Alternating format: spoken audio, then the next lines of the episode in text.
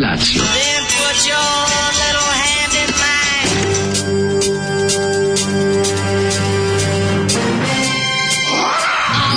Grupa rozvojenih mladića trči po studenom vazduhu pre zore. Alarm! A e, ima da kane, nema problema. Svakog radnog jutra, od 7 do 10. Hajde!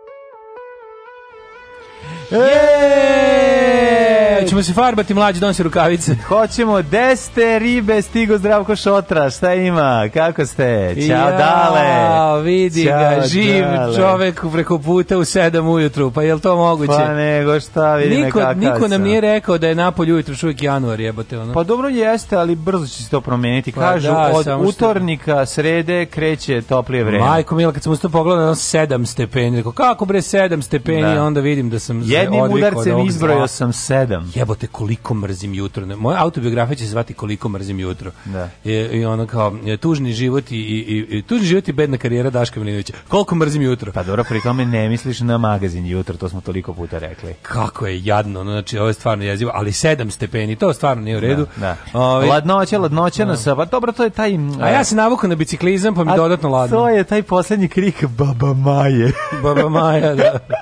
Baba Maja nas prži još 2-3 dana, a onda kreće ovaj, prava Baba Maja pa i Baba Juna. Pa desi, nisi se mnogo ugojio. Pa nisam se uopšte ugojio. Može kilo dve ne. u odnosu na Ne, pa čak sam, čak sam smršao, nego ti se čini, pošto sam kao no, da, obuka horizontalne šare. Horizontalne šare, pa ti se čini da sam... Ne nosiš ove vertikalne kao pravi delimanac. Pa nemam potrebe da nosim vertikalne, uzeo sam ove horizontalne da me ne bi zamenili za nekog navijaša, pa da mi daju pare, da, da idem da palim batlju. Nema uvijek na... ko da te zanem. Jesi, ja nisam sreo ni jedno ljudsko biće pa, da puta dobro. Pa što ti stanuješ a, a, gde žive bogati, oni ostaju kasnije. Pa ne, što kasnije, pa šta mislim da još uvijek traje neidenje na posao. Ja sreo puno sirotih ljudi. Danas kreću ljudi na poslove. Idu na posao ljudi. Ovi kao što su... na sve vreme, sve vreme na posao. Ne, dobro, neki ljudi su sve vreme na posao, pa ali da. ovi kao takozvani esencijalni radnici, kakve mi da. nesrećemo na putu do posla, za tih 500 metara koliko onda pređemo, ali je, ovi, nisam, apsolutno nisam ni jednu, nikog nisam sreo u pa, To ti kažem, prvo, prvo ti si došao značajno ranije, vjerojatno zašto nisi ni spavao. Nisam ni spavao. Tako da. izgledaš, da, da, da a ovi e, ljudi inače idu na posao i mogu ti reći da je ovo jutro, ovaj ponedeljak 4. mau bio prilično ovaj A vidi niko nije bio iz parkinga mrdno. To mi je čudno. Pa to što ovaj ne ide iz parkinga, da to je druga, druga, druga. Zna da bude u ovo vreme zna da bude prazan skroz. Pa fale tri sad je, sad je nešto. Mislim da se nisu još svi vratili, da još možda neke. Ne. Da. Ovaj, ali pa, možda si Nemam pojma, sad to mi malo nije jasno kao, pošto vidim mhm. da, da su izgovnali sad to da brže, brže bolje sve odvore, ne bili morali da plati ljudima mesec dana nerada. Pa ono. to, aj, aj, aj, da još iskoriste priliku da to sve ukinu o, o Đurđevom dnevu, kako bi što jače vezali crkvu i državu. Da, da mislim, da. šta je rekao ovaj juče u emisiji da će u Pre... Sredu. Pa valjda za od Đurđeva ne. Kad kao, ne, u sredu, je po, ne, u sredu je poslednji, to je preko sutra, mm -hmm. u sredu je kao poslednji policijski čas i onda u četvrta više nema policijskog časa. Da, da, da. Onda će biti samo policijski polučas. Ne znam, sad će biti dvočas policija. imali smo sve, znači imali smo policijsko sve. Ja mislim da ono, bukvalno sve jedinice vremena policijske smo. A čekaj, imamo još, ja mi. U stvari nemamo, od kada, od šest, kada je policijski čas? Kad od šest, od šest, da, da, da, da, Nismo imali, ovaj, nismo imali policijski produženi vikend. Ali, vidi, ali ako si navijač... Imali smo policijski prvi maj. Ako si navijač, možeš dobiješ dozvolu da možeš da navijaš im i kad je policijski čas. Tako je. To je najvažnije. Winding must never stop. Pa da, znaš, ono, a i razumijem, naš stari esencijalni za, ovaj, zanati kao što su navijanje eh, i kad dolaziš iz stare navijačke porodice u redu je da ovaj da jednostavno dobiš dozvolu da možeš i Hvala kad je zabranjeno da ideš Hvala da vikneš. To su esencijalna zanimanje za pa režim u, u svakom vremenu. Tako je. Da. Apsolutno stara navijačka porodica Novosadska i Beogradska. Treba pitati pogotovo. struku navijačku. Treba pitati struku, jeste. Da. A zamisli struku, zamisli sede u kriznom strabu navijačkom sede ono Sima Srbija, Čegi, Žare i Parangal. Se čuje, čuje, se, znači, a niko nek ne pa priča. Pa ne, nema, ne. A čuje se, u tišini, da, u da, navijačkom da, da. stručnom štabu, kad je tišina, čuje se I onda kad progovori čuješ... A ne, to su stari, to, je, to, su stari, to je stari kov. Da. To jeste stekar. Ali novinari su? su više menadžeri.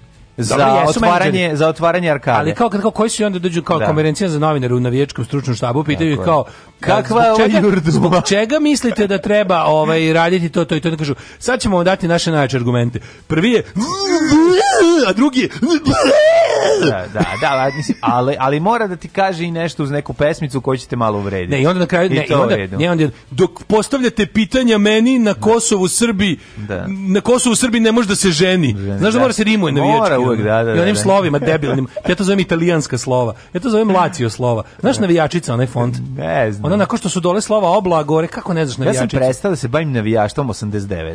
To je a ušao i, i, i sam A ušao sam iste godine u, u da. lepljenje onih eh, kako se to da. zvalo E, pravio sam one kolaže. Imao si svoj kolaž. Da, da, da. Blago tebi. Čak, e, ja sam pravio... Četiri fotografije sa uh, tribina, onda staran da, crtež da, da, u sredinu. Crtež u sredinu. I to onda ufatkaš. Imao sam... I to ovaj... menjaš preko ćao tifa. Imao sam jedan vošin. Sa ostalim, sa ostalim kreativcima. da, da, to je kreativna industrija. Imao sam, ja, sam jedan vošin koji sam pravio. Šta sam našao kod kuće? Našao Vola bi da to sad nađem. Ja, Mislim, ja imam kod kuće, imam kod kuće, dao mi je...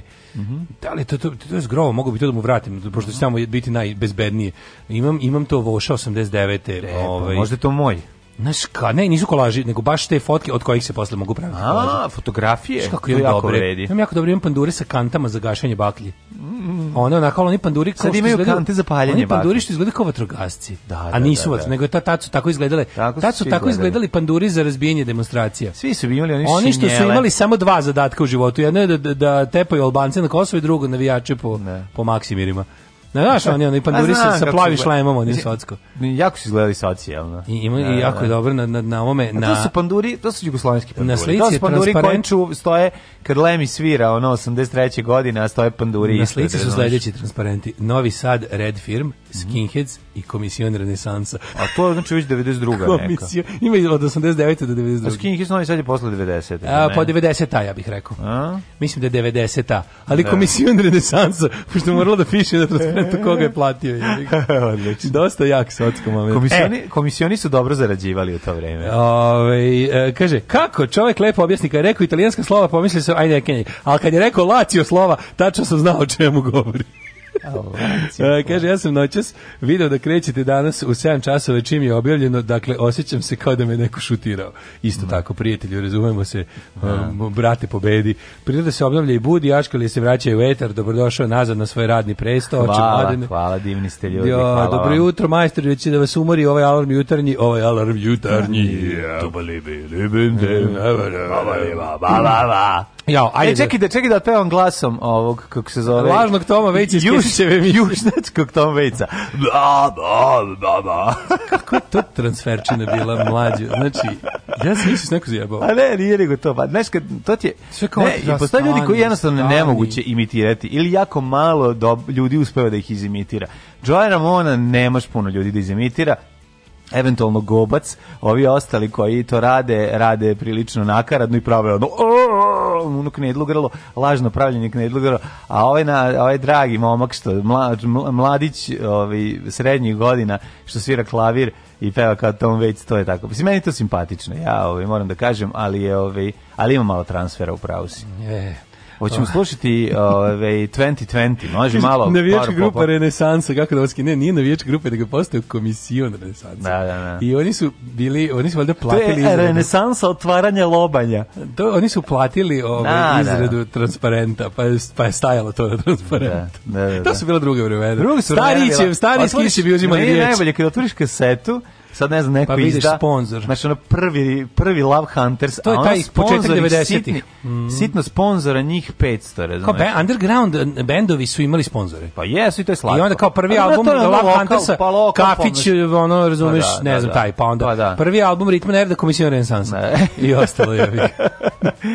Dobro pa, jutro! Dobro jutro, evo malo Power Popa i 79. Power Pop. Power. 1 2 1 Oh.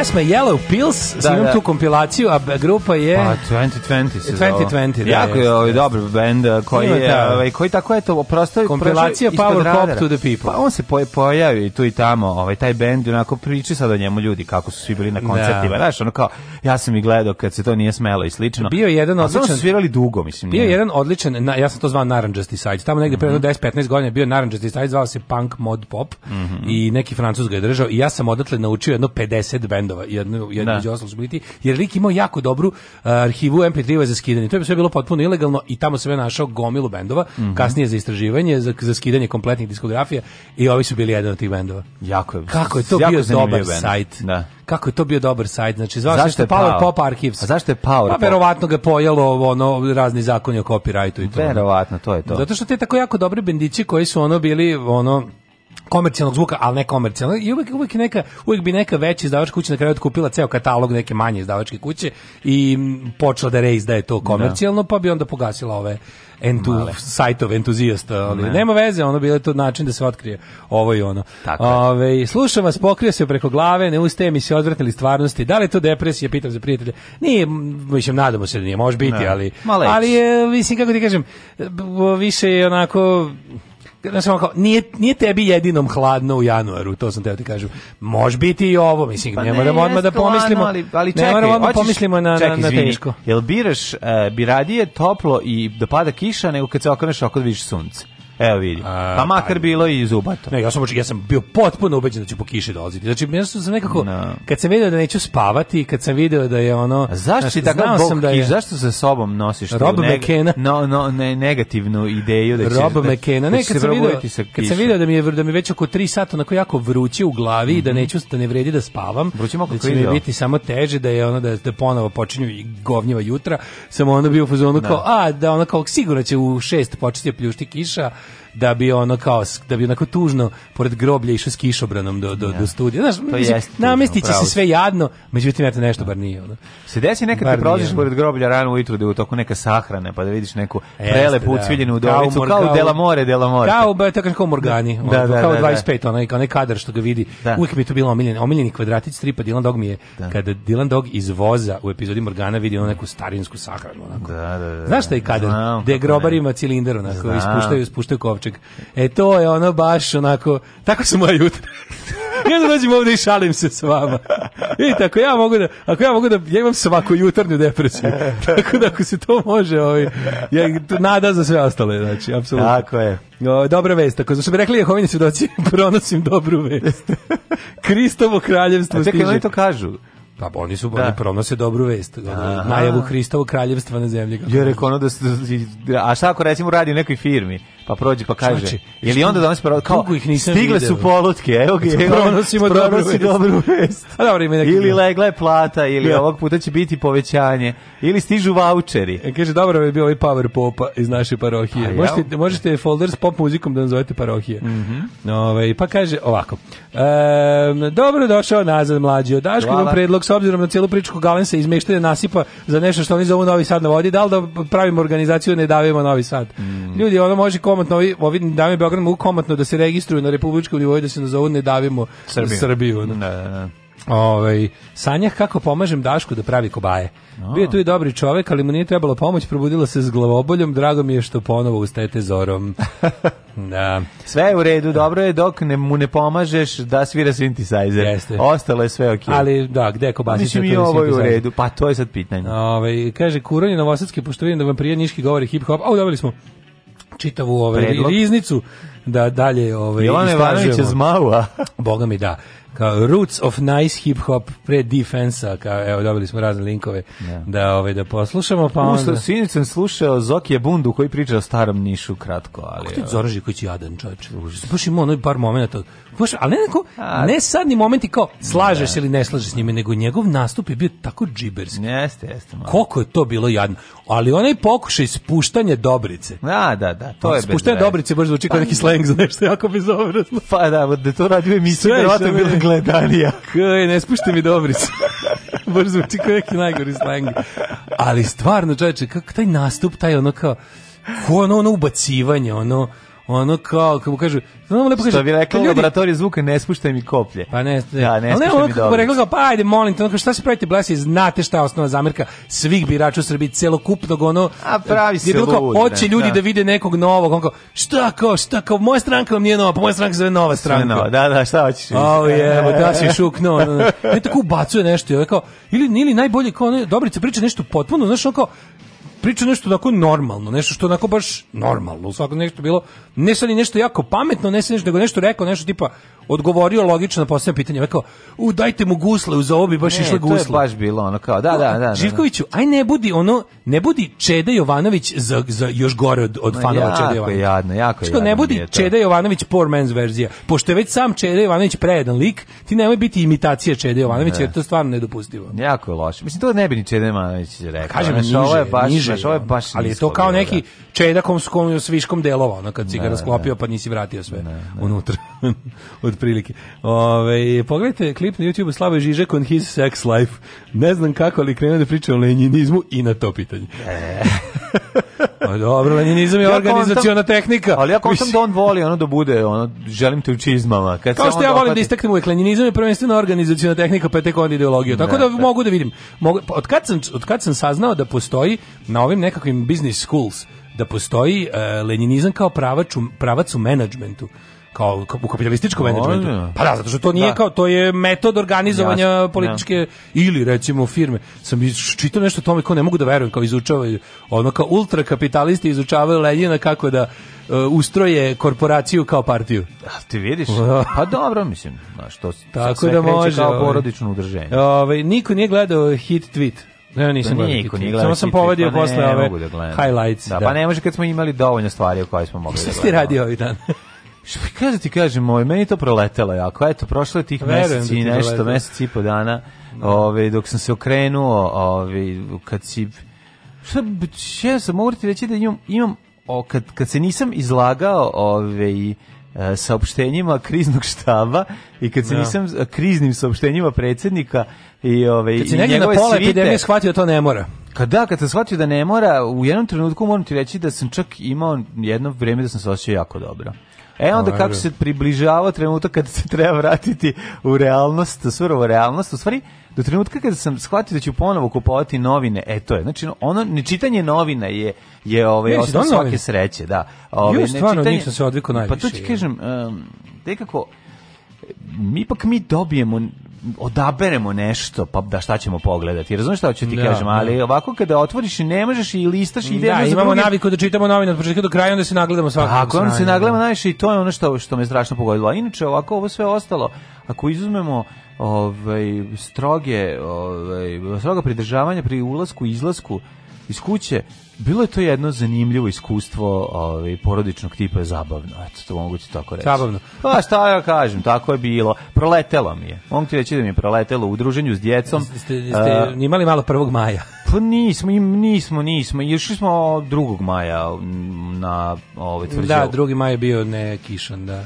Pa bio neki šampan je mogao da e, ode. E, super mi je bilo dok sam onako, dok sam čučao ispod nastrašnice i dodavao posljednji ono kao, posljednji soli i biber u, u moju prvu u životu, a i te kako uspešnu riblju čorbu mlađu. Koji album si kako napravio? Napravio, a e, za dušu. Ujed za dušu, pa dobro. Ujed za, ujed za gušu. Da, da, da, pa... Ju, ej, znači, mislim, nije bila riblja čorba, pravio sam riblji perkel, to onako pa, što prave u Arkapadori. Aj sam ti rek, ne, ne, ko što, taj sam skido. A dobro, ja ti kažem. Taj sam skido, taj najviše volim. A nemoj taj. Pa taj je dobar bio. se posveđati. Kad praviš perkel, pravi po receptu šiluk, stari Evo, još uvijek me tapšu po ramenu. A naravno. Jebe mi se stari halas, pravio sam po receptu dobro. Pravio po, po receptu stari halasa iz gornjeg podonavlja, kako se inače e. pravi gurne se ruga, ri, stavi se riba, sipa se vode, koliko ovaj, kad potopiš ruku unutra da ti ogrezne do zgloba kuva 45 minuta i to je to skidaš. Pa jedino to je papriku 40 minuta. Pa da. onda to to nema greške. Al što? Znači ja nikad nisam pravio to. Ja tako bilo dobro dok sam sedeo onako i i, i sisao varjaču, mm -hmm. poslednju onu sa sa kad sam ono iz iz moje koliko treba začinja da dodao. Pa pljuština kiša sliva. Znaš kad se sliva preko onako Jesi ubacio pangas i sve unutra? Na, e, som je bio, ne, e, ne znam šta je bilo, pravo ti kažem. A, dobro. Bili su fileti, na, na, vidi, na fiskalnom isječku je pisalo fileti soma. A, pa to je. Šta je to bilo, ja znači, ne znam. Soma dinara ili soma Naplatili ribe? Naplatili su ga kao soma, a da li su ga lovili u, u šahtu, nemam pojma, u Vijetnamu. lovili su ga u vijetnamskom plastičnom da li, buretu. Da li je da uhvaćen u kanalizaciji Hanoja ili uhvaćen ovdje? Bio ukusan koga ovaj, šiša. Bio jako ukusan. Ne jedeš da. svaki dan, tako da je u redu. Da, to ti kažem. Da, da, da. Ali dok sam nakon, dok sam sedeo i gledao kako se pre preliva preko onog limenog krova nastrašnice ovaj, kiša mm -hmm. i kao taj ono, dim, kiša, znaš šta je, ono, kao, mm -hmm. ja sam pomislio, sam, sam rekao sam, 1. maj. To je prvi maj. To je prvi, ne, to je prvi maj, kao, znaš, ono, cmoljavo, gadno, cedi se, svi da. onako, da. znaš, kad treba pretrčati od kuće do, do mesta kuvanja kotlića, svi onako podignu ramena i trče, kao, donesi kuvano testo, donesi ovo, ono, e, znaš. Dobro, uvek pukne za da, prvi maj. Treba mi još pol da. litre voda i dotrči da, lebati, da, ono, znaš. Uvek, uvek za prvi maj grune, mislim, to znaš. To, Tako po da, sam bio fazon kao, sve je u redu, sve je normalno. Znaš, kao, ono, kad sam vidio koliko je jadan dan, samo sam rekao sebi, sve je normalno. Jesi dodavao ljutu kako si video da dolazi više ljudi ili šta? Ili nisi pa morao? Ne, nisu, pa, nisu dolazili ljudi, mi smo A, bili u da, da. fazonu, da. nego sam ja, nego je bila varijanta, jako bilo slatko. Jesi stavio pištu? Okolni, e, nisam imao pištu, morao sam, morao sam stavim, stavio sam onaj neki pošto nije bilo da se kupi pište, u ove izgleda neka nestašica, mm -hmm. zatvorila se granica, stavio sam onaj neki kao čili, mislim, onaj, mislim što jeste kao pišta, samo što je bez, on, nije pastasto, onako nego Stižu stari alasi, stari to kad su kuke, da. šta si ubacio. Pa, pa mislim, ti si stvari, to je ljutina, ček, vi ste samo što malo pa ti si u stvari oblika. zaista napravio akvadorija perkil. Meni je to najbolji perkil koji sam ja. Da. Ali mi je super bilo što onako komšiluk, pošto smo se jel držali, ovaj, držali smo se mera, mm -hmm. bilo slatko kako su komši samo, u što to dobro miriši svakog stigu sa šerpicom da mu si. Uzu malo sebi izbris. Bila jako dobro. Da, ne, svi smo onda klopali i otprilike. Pa ti stvari bio narodna kuhinja. Tapšanje na pa ramenu traje. Jutro je bilo poslednje tapšanje. Kad sam krenuo, komšije rekao, mnogo je bio dobar paprikaš. No, Tako da tri dana traje ovaj tapšanje po ramenu. Znači, da mislim da sam, mislim da... Kog dana si ga jeo? Pa sutra sutradan došla majka, ovaj na pogom. Došla je majka i onda smo to to je bio kraj, ovaj pošto tako, mi smo ješnju u porodici. Znači nije bilo kostiju. Ne, ne, samo BK je bio, Brać Karić. Brać Karić, bez Brać Karić bio, da. Pozivaju se svi dimničari da odmah nastave rad u reonima u kojima su do sada radili. Alarm sa Daškom i Mlađom.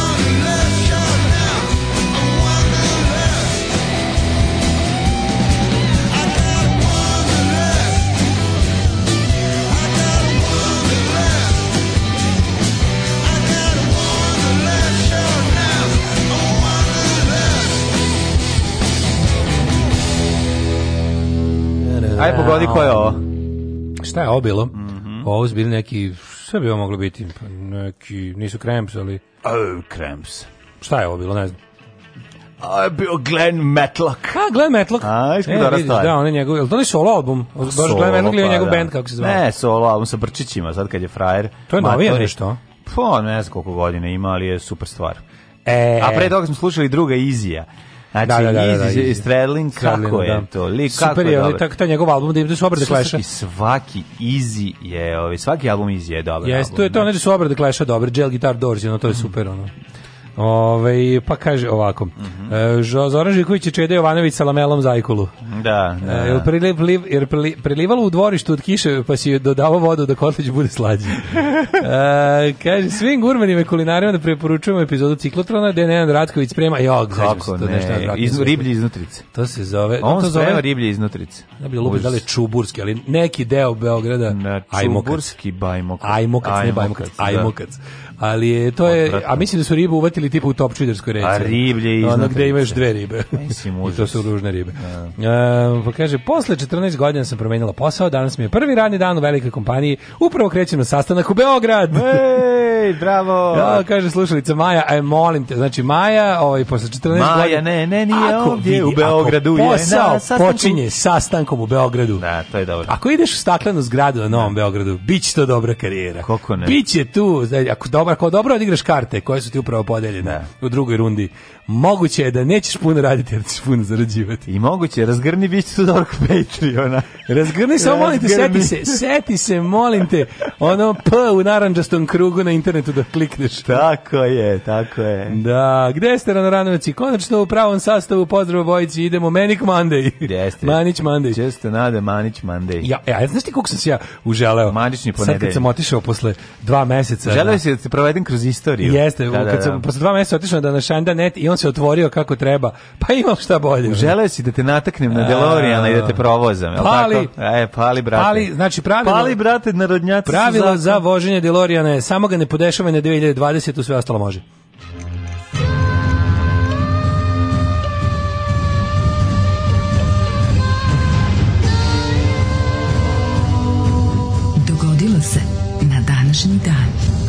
Danas je 4. mau, 124. E, dan godine, do kraja godine imamo još 241 dan. Juk, posti ovo, kako je super, ovdje su, jako su se izmešali brojevi. Pazi, 124. dan, a 241 dan do kraja godine. Ove, zanimljivo. Kaže mi, Daško, da li si možda razmišljao ovih mesec i nešto dana što se nismo ti ja videli direkt ovako, nego samo prek putem ja da društvenih mreža i putem Skype-a. Hoće li biti novi godina više, ja ne znam, jel to... Kako ne? Nove godine, godine. ne znam, mislim, dobro, baš koliko će još držati, držati ljude ovo, ovo manično pranje ruku i prskanje svega? Pa držat ih do, ono, do leta.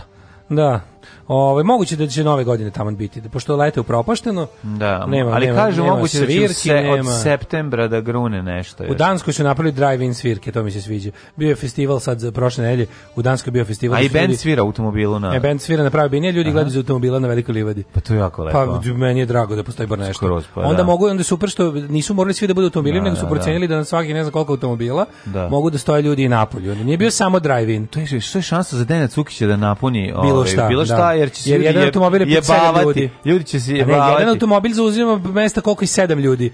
Znači, ukoliko ti dođe pa 100 ljudi, ima si 700 zapremine ljudske. Ti guslaš ko, ti gusliš u kolima koliko Dejan Cukić gusla na stage. Pa otprilike. E mogu ljudi. Aj da- možeš duže da traješ. Staviš stakla pa da, ti na svakom koncertu da bude pa, dobro. Pa ne moraš da ti ne, bog tome jeste fazon da možeš duže da traješ. Malo baciš pa, pogled na binu, vidiš njega. Vidiš odu. Taman kad si kad je blizu vrhunac ti opet Back pogledaš to square one odradiš. I da. kreneš, razumeš, možeš možeš možeš guslati. Tako da za novu godinu bi išao apsolutno gde gde god može, mm -hmm. zato što je ovaj uh, to, to, ta će već biti u krizi. Mislim, kažete ti, ono, ne znam... Anywhere ovaj, is better than here, što bi rekli replacements. Baš bukvalno to neki. Za novu godinu, eto, ako budu ispred kuće palili gume, idem tamo. Dobre. Znači, jednostavno, verovatno će biti uželjenje do happenings im, toliko veliko. Je. Meni istorija počinje 1493. Imate li nešto ne, bolje kolega? 374. A, izvolite. Atlatl Kauak zaseo je na prestolje Teotihuacana. Pa da, Tenochtitlan. To su Meksikanci. 374. To je Meksiko, je li tako? Meksiko, jeste. Asteci. Pa, pretpostavljam, a, da, po, da. po imenima bi rekao da su neki ovi. Da, da. Znači 374. Ma ne mislim da je bilo 1374. Mm, ne, ma moguće. Ko zna šta je bilo 374. tamo? Pa kako su nešto zeći? Zabeležili su to na kanape. Oni, su tad, oni, da. oni sporuke poruke ovi, furili kanapima. Da, izvoli. 1493. Papa Aleksandar VI, Španac. Španac. Tako je, čuveni Španac. Papica ovaj, Aleksandrović Španac. Stigao je, stigao je da Papica puca, Aleksandrović na, Pucao je na žandarme koji su došli da rastreljaju. Na ne, na švajcarski gardiste. Na švajcarski gardiste, I, da. A onda su ovi rekli, pucao si u švajcarce, kako nisi u Nemce pucao. Da, da, da. da. To su, mislim, to su posle švajcarski četnici govorili. Papa Aleksandar VI, Španac, čuveni Ove, ovaj, izdao edikt o, u, u 100 kopija ograničeno 250 gramskom vinilu i jed, svake koštala 50 evra i ovaj verovatno ne sve planulo. Ne. Izdao edikt. edikt o podeli novog sveta između Španije i Portugalije prema kojem sve neotkrivene zemlje zapadno od Azora treba da pripadnu Španiji. To je super što je... Kako su lepo dogovorili, a? Pa ne, pazi, oni su se do, dogovorili tako, a na neviđeno. To je mala, mala da. zanimljivost. Kaže, ne znam šta smo otkrili tamo, ali evo podeli između Španije i Portugalije. Da se vi naše divne kato katoličke zemlje ne bi trveli više i ubivali, a da ne ubijamo druge, zašto ne, bi samo mi... da ubijamo druge? Pa samo drugi, kažem mm. ti da. Ovaj. A čekaj, oni tad su oni tad znali da, da kad ideš previše na zapad, vratiš se sa istoka. Mislim su znali tu da je prilike pošto je pa, Portugal, pa- znam da je Portugal imao Makao recimo, Crkva da li to u to vreme kao Makao, čuveni da, hit. Da, pa sad kao šta bi bilo ti možeš da mislim kao pošto je zemlja okrugla, da ti kreneš na zapad i otkriješ što sve što pripada Španiji, dokle je zapad, razumeš, pa pošto kreneš da Portugal, da se vraćaš. Portugal je Makao ovaj otkrio pa kasnije. pa to su već 16. vek negde. Da. A ovaj a iskreno ti kažem e, znanja tada nisu bila tolika, a koje su i postojala, crkva ih je čuvala. Tako ne, da, da su imali predstavu koliko je zapravo zemlje ima? Nisu znali. Znali su da je okrugla, naravno, jer će se... Nisu znali, ali nisu znali ni bili izbili za koliko je. Nisu da, znali da. ništa. Hiče, prilike znali su pojedinci koji su bili hrabri da pa, odu pa da probaju. koji su pokušali da znaju su ono bili gorivo za ove koji ne znaju. Pa tako. 1780. 1626. Indijanci prodali Manhattan holandskom trgovcu Peteru Minnoitu za tkanjine i džinđu u vrednosti od 24 dolara. Da. Ja ponovno kažem, ovo, ovaj unos mora da se izmeni ovaj unos je bezobrazan, uh, tendenciozan i, i neistinit. Prvo da, i prvo. Zato sugeriše da su oni bili vlasnici Manhattana. Prvo i prvo, indijanci nisu znali šta znači prodati e, zemlju. vlasništvo zemlje. zemlju. Da. Znači, ne, znači, pošto oni sebe nisu doživljali kao vlasnikom, vlasnicima te zemlje, tako da ono to što je njima ovaj e, što njima pokvareni holanđanin dao bižuteriju, a oni svakako kao nomadski narod otišli sa te teritorije ne znači da ih je prevario niti da su oni bili glupi. Sa koliko pa su oni baš otišli, a koliko su oni mislim Da li je njima dao džinđove a, i onda je malo, malo ih bajonetima u leđe poterao ili je to bilo, znaš, kao ne znam. Ali verovatno ono što je sasvim izvesno je da koncept vlasništva nad zemljom je njima bio stran. Kako možeš prodati ove, nešto, nešto za šta ljudi ne znaju da može da, da, da, da kupuje, da. 1780. Izvolite. U Epsomu u Engleskoj održane prve konjičke trke. Pa 1780. Epsomov štampač. 1881. Tako je. Otto von Bismarck je u nemačkom parlamentu najavio svoj program državnog socijalizma prema kojemu 1883. se donosi zakon o zdravstvenom, a 1889. o mirovinskom mm. osiguranju. Bravo, 1886. u eksploziji bombe koje je bačena na policajce koji su pokušali da rasteraju skup radnika u Čikagu poginulo je 8 osoba ranjeno 60. Da, to je high market. Uh, ovaj... E, kad kažeš 1886. bomba, ja mislim da se radi o fitiljači. Pa naravno da jeste jeste bila ta. Mislim to su anarhisti radili, o, e, mislim ekipa koja, ali ne znam šta je bilo zapravo. To je ono što je bila anarhistička bomba, ona bila je bomba fitiljača, ali ovaj da. put da. to nisu radili anarhisti, to je bila policijska podmetačina da se razbije štrajk koji je trajao već jako dugo i pošto nisu znali kako da reše to, onda Aha. su policijski provokatori se uvukli među organizovane radnike i na bukvalno na svoje kolege policajce koji su bili na konju na konjskoj zaprezi, mm. jer su ta tako policajci, to je bila Marica u to vreme. Mm -hmm. Ovaj su bacili i sad to je bila fora da to je trebalo stvari da isprovocira prvo da isprovocira provocira e, reakciju policije i drugo da ovaj e, obezglavi sindikat koji se u to vrijeme tek formirao. I mislim oni su uspeli, ali istina je isto kao i u slučaju kasnije Saka Ivancetija i ostalih jel radničkih aktivista sudovi kasniji su njih sve rehabilitovali jer su pronađene i policijske ovaj pronađen pronađeni su dokazi da pitne mm. policijska nameštajka, nameštaljka, nego radi se o tome da je ovo razlog zbog kog slavimo 1. maj. Znači da. taj e, čikaški, čikaški 1. maj je bi zapravo 4. maja da, da. i e, takozvani martiri ili ti mučenici sa High Market Square-a su ostali jel kao uh, prvi ljudi koji su se izborili za nakon tih demonstracija za roštilje. za, ro, za roštilje. Znači pa oni da. su roštiljali tamo, jel? Pa roštilje. Maja, da policija roštiljala sama na sebi, a onda je posle ima jako dobar taj ovaj ja i on kod kuće taj uremljen plakat originalni gde, gde ovaj e, posle taj sindikat na na ovaj poziva ljude kao piše kao working man, kao come armed and prepared za, za sledeći skup koji će policija da rasturi. je interesantno što je plakat odštampan pa na engleskom i na nemačkom. Da, odlično. Pa Jer je u to vreme da, bio, da, da. jako puno su ljudi govorili, mislim, taj je to bio Nemački je bio skoro jednako u upotrebi. Da, da, da, 1919. počele demonstracije kineskih studenta protiv odluke Versajske mirovne konferencije da nemački posjedi u provinciji Shandong budu predati Japanu. Demonstracije pokret 4. maja prerasle u nacionalni pokret koji je pokrenuo preko 10 miliona ljudi. Da, taj pokret traja jako dugo. To je inače posle taj japanski pokret i posle se pretvorio u razne druge antiimperialističke pokrete koji Kineski misliš? Uh, kineski, da, mm -hmm. kineski pokret koji je posle ovaj ali Protiv ideje, Japana. ideja da, kasnije takav sličan pokret po uzoru na taj nastao u Japanu, bukvalno su prepisali ono svoj uh, osnivački da. dokument kada je trebalo kada su sad oni odjednom postali uh, mesto u kom američki imperializam njima radi to što su oni radili Kini. Uh, e, 19... kineski pesnik je zbog to 4. maja uzeo sebi nadimak Čmaj. Ne znam da znaš.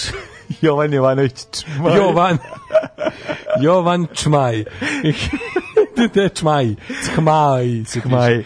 1924. Da, da, mislim, danas se otvaraju Prvo ću da odem u kitajski restoran. Danas se otvaraju restorani. Na Kito, na Kitaj. Na da. Kitajski. E, Razmišljam čega sam se najviše uželao. Da, da, prvo ću, ako se danas otvaraju stroje, prvo idem na terasu od Norka. Danas. I treba. Tako ću. O, 1924. otvorena letnja olimpijski igra u Parizu. 38. Douglas Hyde postao prvi predsjednik Irske na osnovu novog ustava kojim je proklamovana njena nezavisnost. Da, e, uh, 1970. američka nacionalna garda ubila četiri, ranila 11 studenta univerziteta Kent u državi Ohio koji su demonstrirali protiv vjetnamskog rata. Svi ste gledali film o jagodama i krvi mm -hmm. ili mhm. The Strawberry Statement. Mm -hmm. 1979. Uh, vođe konzervativaca Margaret Thatcher, ali ja ću uvek pevat protiv nje, dok mi ustane začepe. Posle pobjede na laburistima na parlamentarnim izborima postala prva žena premijer u istoriji Velike Britanije. Jeste, najgore, najpokvarenija, najantiljudskija, mhm. naj, žena čiji uh, programi danas iskijavaju ljudi. Žena koja je eh, tačak istorije, radničkih prava Đorđe, i ljudskost uh, vratila za 100 godina za svojih što, bi rekao Čvarkov Đorđe u filmu uh, ponašanje arhivatora koji je bez razloga skinut sa ove, YouTube-a žena stoka Jao žene stoke, eto to je. Jao žene stoke. Da. A, e, ono što ja uvek kada vidim tu 79 i to kako ona dolazi na, na vlast, pomislim je kako imam ploču grupe Specials Live at the Moonlight Club, na kom piše snimljeno u, uživo u Moonlight klubu u, na, u veče izborne pobede Margaret Thatcher da. i piše kao, kao, to je bio kao početak mračnog doba. 1990. Na prvim višestranačkim izborima posle Ruskog rata u Hrvatsku Beljevo povedala Hrvatska demokratska zajednica Franje Tuđmana. Sad sam čitao ovih dana ovaj, na jugo papiru eh, mhm. start iz, mhm. verova ili ne, tog mhm. perioda i onda mi je bilo interesantno čitam kako se ono, onako, dosta oprezno se pisalo o tome, pa je bilo interesantno, kao bio razgovor sa, ne znam, nekim iz SDP-a, iz HDZ-a, onako, bilo interesantno vidjeti eh, ljudi koji su i dalje manje više u javnom životu Hrvatske, koje su pozicije tada držali. Ovaj 1900 bili bazrivi. Pa prilično, da, Ili prilično. je start bio bazriv. Pa start je sve zajedno i, i bilo onako prosto neverovatno da je recimo ono kao tako jedne novine koje su imali rep, ono reputaciju, ne znam, uvek su bili bezobrazni, znaš, kao uvijek su bili onako edgy, što bi se reklo u to vrijeme, da su bili tako prilično nenapaljeni u to vrijeme podizanja nacionalne euforije onako kada, kada su jel ono to je tabloid no, posao starta je bio da podigne jednu drugu euforiju jeste da. da. Ove, 1994. Mm -hmm. Izrael i palestinske slobodačke organizacije potpisali sporazum u početku primjene ograničene palestinske autonomije u Gazi i Jerihonu. A, emitovanjem prvog servisa. E, vesti Beogradske nezavisne novinske agencije Beta počela rad. Znači oni su, ti su njih vidio prvi servis. Kako ne? 96. Ne. lider konzervativaca Jose Maria Snar postao mhm. premijer mm. Španije, okončana 30. 13. godišnja vladavina uh, PES, ove, vladavina socijalističke partije. Da, da 2001. Podijemo to protiv Radmira Markovića, koji je e, ovaj, u vreme režima Slobodana Miloševića bio načelnik državne bezbednosti Srbije po optužnici za odavanje državne tajne Marković 6. jula 2001. osuđen na godinu dana zatvora, a po tužbi, e, tužbi za umešanost u ubistvo četiri funkcionera Srpskog pokreta obnova u Ibarskoj magistrali u oktobru 1999. 300 dana osuđen na 7 godina zatvora. To ti je, kad, znaš, znaš šta kako je to svinjarija? To je svinjarija nivoa da se recimo, kao kad bi se u Nimbergu 46. onima sudila po nemačkim zakonima. Da, da. Tipa ne promeniš zakon i onda ga, i onda ga optužiš ga za odavanje državne. Kao to je jedino po čemu smo mogli. Ne. Pa jebem vam svima sve, ono što niste promenili zakon na pravičan, pa ga onda izgrilovali po tom ono po tom zakonu ga izroštiljali kao što treba. Ne, vi ste ga po zakonu da. ko, ono države za koje on ubijao, ne. Mm, da. ste ga ono niste niste mogli bolje ono. Ne. Ajde mrš. Ove, ovaj, 2001. Da. Sjemeničke države glasanjem izbačene iz Komisije za ljudska prava pre nacijama, što je prvi put te međunarodne organizacije. Da, to je bio skandal. Đubraši jedni, đubrat, opozicija, sram vas bilo. Maš čučaj, govnari jedno. Maš govnari, dobro nam je, dobijemo šećer za 8 dinara. Alarm sa mlađom i Daškom.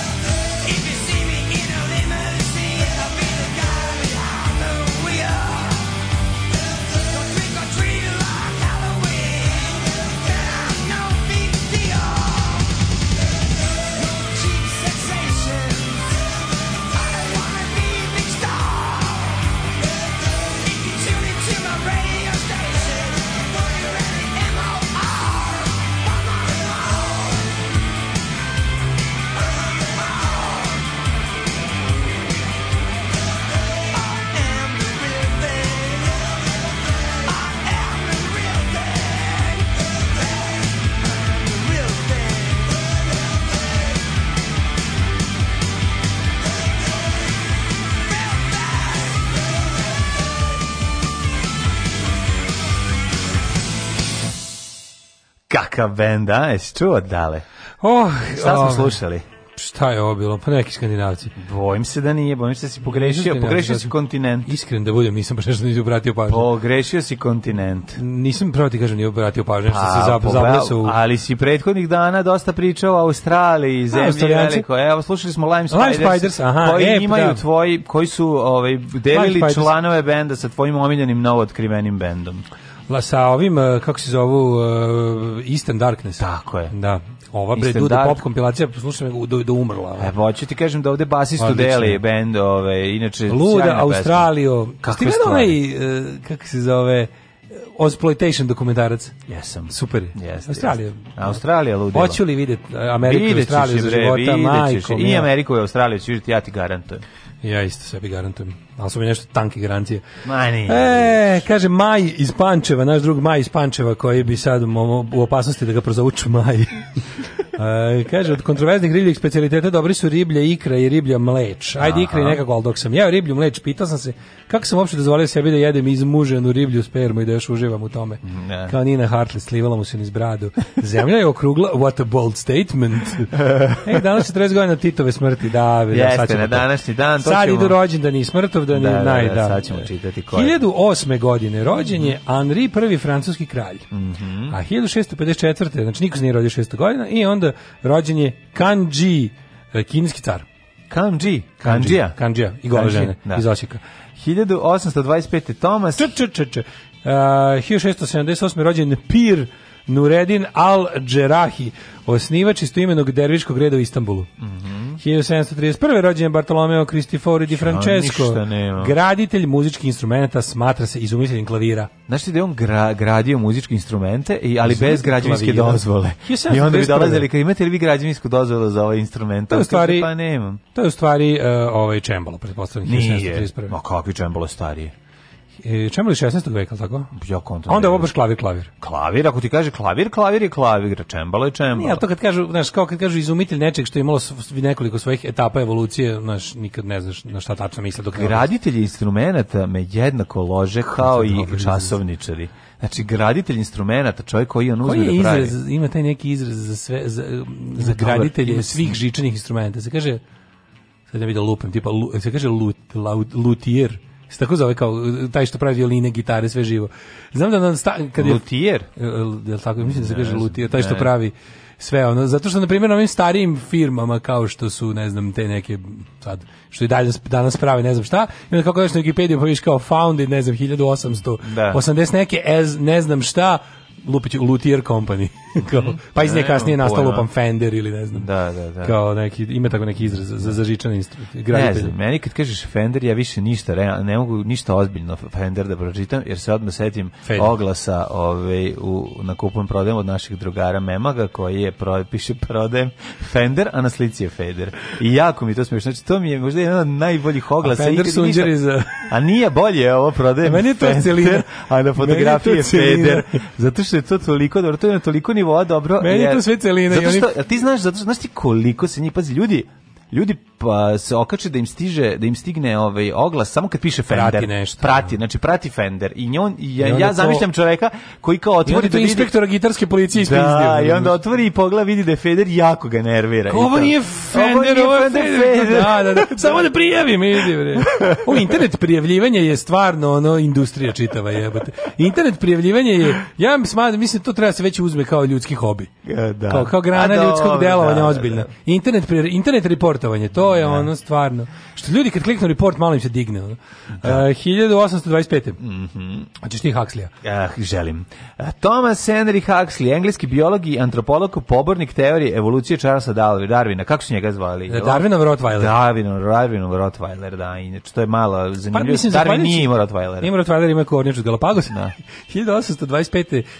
je, mislim, kad je dobro nije to tad bilo, ali kad je čovjek kad je Huxley nastavio, zapravo on je on je u velikoj meri zaslužen zbog toga što e, delo Charlesa Darwina ono je moglo pasti u zaborav. Mislim Tako zato što su jako jake društvene sile tog vremena htjele da to uguše. Da ali nije bilo sva sreća da je tada Huxley na prvo mesto da su u Engleskoj tada menjala vlast i da je ovaj i da su morali da prih, pristane pristane da ovaj on e, Engleska napredna stranka uslov, izgubila ovaj. uslov, ovaj. uslov da da ovaj kako se zove e, Thomas Huxley Thomas S. Huxley.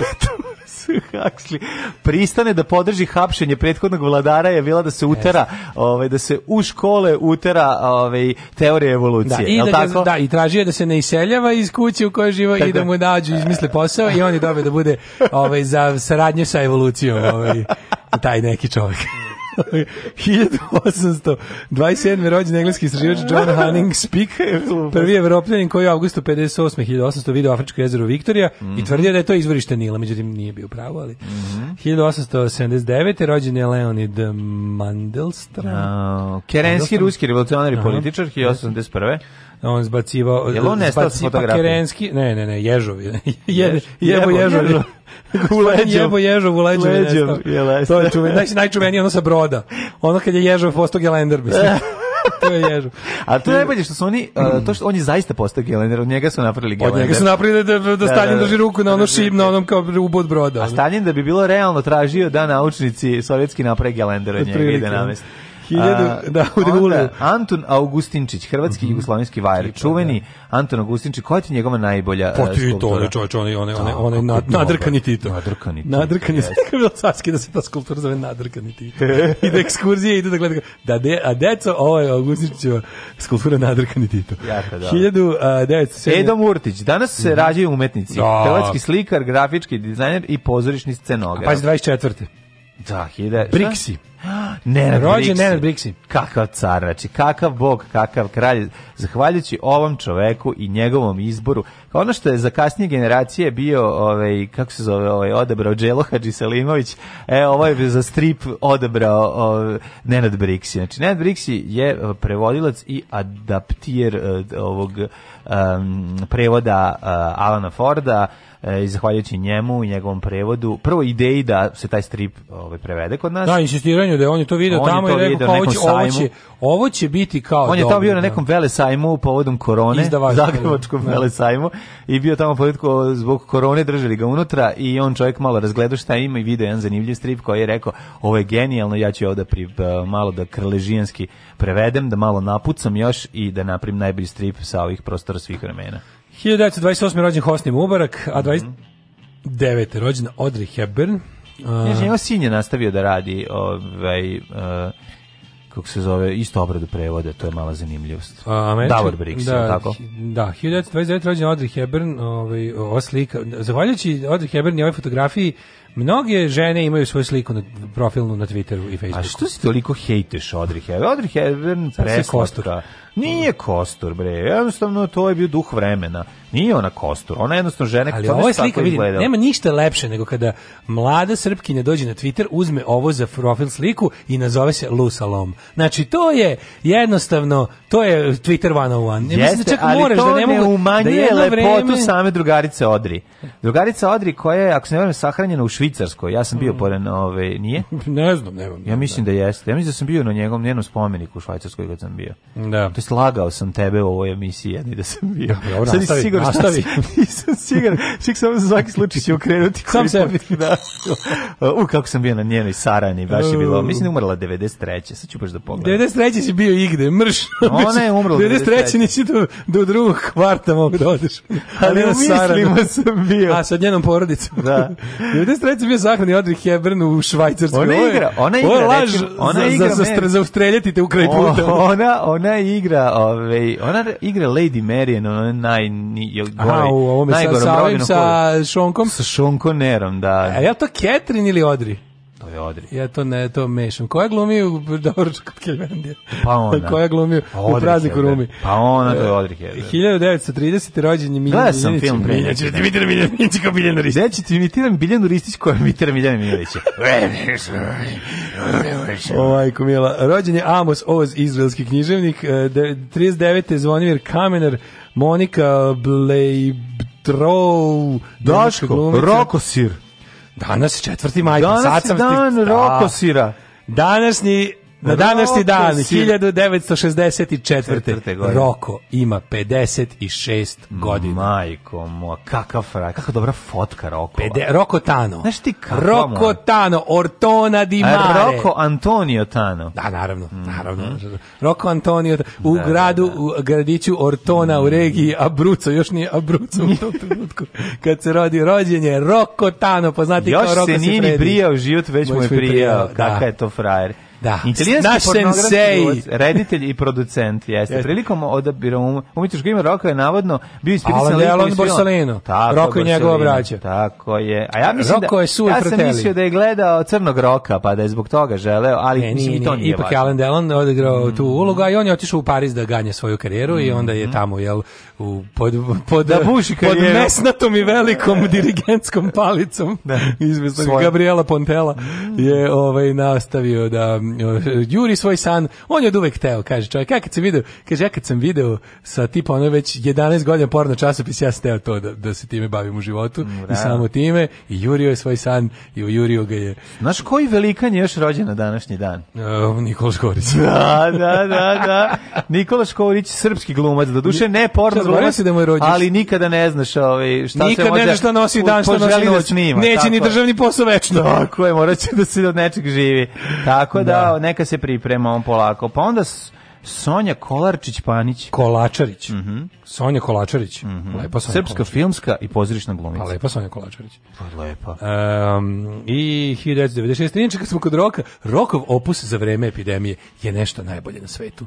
Znači ja sam pogledao, pa svako veče car pravio na svom onom Instagramu i na YouTubeu kao razgovore sa kolegama i koleginicama. Znaš ti koliko to dobro. To je suvo zlato. Znaš, jedan problem što svaki četvrti bio na jeziku koji razumem, pošto da. on dobro priča francuski, italijanski i engleski i onda da je ono dosta bilo Francuza i Italijana, to nisam mogu baš lepo da ispratim. Recimo kad sam gledao moju omiljenu male... Da je da on liže gledao, na tim jezicima. Liže, li, liže da. na sedam jezika i na, na ombe malo na, na dva sisa ali je, ovaj, kad je bila malena lapuljeza, nisam mogao da gledam šta pričaju, mhm. ali sam se radovao ko da razumem. A, dobro, mislim, gledao si. Gledao sam. Je malena razguzljeze. Gledao tako da. sam s jednom rukom. Da, da, da. E, umrli je. Pa nešto. onda, čak rođen je Džemba Džemba. Nemoj, molim. Te, džemba Džemba? Naš Džemba Džemba. E, Bojan Nedeljković, Nedeljković. Šalim se, ne. Ovo je mhm. Erik Džemba Džemba. Umrli je današnji dan. Mm -hmm. 1604. Claudio Merulo. Mm, 1869. Pa, 1825. umro Stjepan Korolija. Ljudos... Zagrebački kanonik, pisac te prevoditelj. Mm -hmm. Znači nije e, bio e, niko. Video, nije bio niko ni pratio da community u ovaj u turniru imitacijama. To je bilo jako smešno. Ja se malo kasno uključio. Ja, kako je nam je drug. Nisam pratio, aj samo da, na kraju jesam. Nikola, drug Nikola je napravio jako, ali napravio čitavu onu zebanciju. Ne, morao sam da, morao sam da ispravim grešku, imali su grešku jednu. Misle da je, a misle da je imitacija napušene kikinđanke, a to nije kikinđanka, nego kikinđanin. I zato je i smešno. Stalno to raspravljamo, oni svi pišu kikinđanka. Ja ne znam ni ko je pobedio, čak da im. Pa pobedio je Stanislav Hočevar. A jeste? Pa ja bio u finalu sa, sa kikinđankom. Pa mora. Jako je dobro bilo. Hočevar je najbolja imitacija ikada. Moja omiljena, najomiljenija, kad bi mene pitao ko mi je omiljena dete, ja bih rekao Žižek. Nije, ja sam nije, potpuno, ja sam potpuno ubeđen da mogu da zamenim Žižeka u radio emisiji nekoj. Hočevar je smešnije, mislim, ne znam kako ja objasnim. Ali mislim da bi, ako neko bi teo napraviti nekog onog great filozofa ništa nije, smaš, ništa nije smešnije od Krista Kralja. A Krist Kralja, naravno, najsmešnije. Pa, da, da. Ali kad bi, nekom, kad bi za pare morao da ozbiljno zamenim Žižeka, da, da izvršim pravu prevaru, toliko bih se odvažio. Da, mislim da bi mogu toliko Bio da bi odvaž, na da. radiju da ga pravi. Na radiju da ga skinem, da. 1869. rođen Jovan Hadžić Milenko, šalim se, bez ovog Milenka. Da. Srpski pisac i političar. E, čekaj, umro, misliš? A, umro, izvinjam se, izvinjam se. A, umro je Mirko Bogović, književnik 1893. Goce Delčev, 1903. Da. Vođe 19... Makenskog nacionalnog građanskog pokreta. 1980. umro je radnička klasa Jugoslavije, narodima Jugoslavije, umro je drug Tito e, jugoslovenski političar i suosnivač pokreta nesvrstanih zemalja. Tako je, maršala Tita, junačkoga sina. A ti si tek po... sada provalio treću strofu. Pa tada drugi, treće strofe, neke delovi koje nisam razumeo. Recimo, ono, čvrsto mi stiskamo pez, to se sećam jer sam da. kao dete čvrsto stiskao, stiskao pez, dok ti se onako, pesmu, ne, da. dok ti dlanovi ne postavljaju rubu. Ali mi malo, malo, malo su mogli više da se potrude oko onog stiha. Zašto? Goti mi nismo. To je najjači stih. Pa što? Pa to je zato pa ima su, i drugih naroda. Zato što, što, što su komunisti u prvom redu pankeri, a ne goti. A to mi nije nešto, to mi malo ono kao, a goti pankeri mi nismo, to su mi smo, a goti mi nismo, možda slušamo ska. Možda bolje ribe imaju oni. Al ne Bauhaus i Sisters of Mercy, nego Clash i Punk. A, o, me, ja bih ove, ovaj, tu, naš, malo mi tu kao ono, goti mi nismo, taj deo mi ja promenio. Kao što baš goti? Da, što za goti, da ne valja biti goti. Kao da, ne, ne, ne, kao što on, ne znam, Roma Alani mi nismo. Pa što ne Alani, što, što neki, neki drugi, da, da, da, i, tako je. I ovi Maori, Mavari. I Crni Gonzalesi. Da. Ovi, e, Ali dobra stvar, ta stvar Maršala Tito Junačkog sinja toliko dobro stvar. uz Maršala. Al kako kaže prejaka je. I odmah slonova i onda kaže Maršala pa Tito, da. Ja. Da. Odlična stvar, odlična stvar. Znaš, znaš ko je još meni u tom rangu, tako baš na ježidbu, onda se otprilike kad kao, ako krenu drugovi s tom pesmom, ja bežim Meni... ako ništa nisam kriv. po šumama i gorama mi je. Dobro, to je to je to je prepev. Pa dobro. To je pre, to je prepev. Ti znaš što prepev ukrajinske anarhističke pesme? koja u originalu se zove Maknovčina, odnosno to je bila pesma od Nestora Makna, onih njegovih mm -hmm, ukrajinskih mm -hmm. anarhista, no to je bila njihova borbena pesma. Pa su onda posle pa su posle o, se Rusija, sredili mislim. su je i obradili su je i Crvena armija i Partizani. Pa osjeća se, osjeća se. Ali je ovaj znaš koja je jako dobra te a da je baš kao mm autorsko delo odavde, a da je premoćna uh, zastava partije. Zastava partije pesma. Kako je? Partija naša, na, na, na, Da, jes, pa dobro znaš sve te pesme. No, no, no, no, no. Da, da, znaš. Baš, Ali ove dve su... Tipa, nemojte, samo, samo izađem na terasu i kažem, nemojte drugovi, da. nemojte drugovi, pa ja sam naš. Ali gotovo već. A Onda ovako, Josip Palade, jugoslovenski hrvatski tenisir 1994. Da. I to je to. Ja imam zadnju pet Predraga Ivanovića, trubača kompozitora e, i aranžera. Danas je svetski dan borbe protiv astme. Hoćemo da je ubijemo jednim udakom. Čestitamo. A? Čekaj, je, ček, ili imaš, jel to, ti, smi, to tako možeš kad baš ne moraš.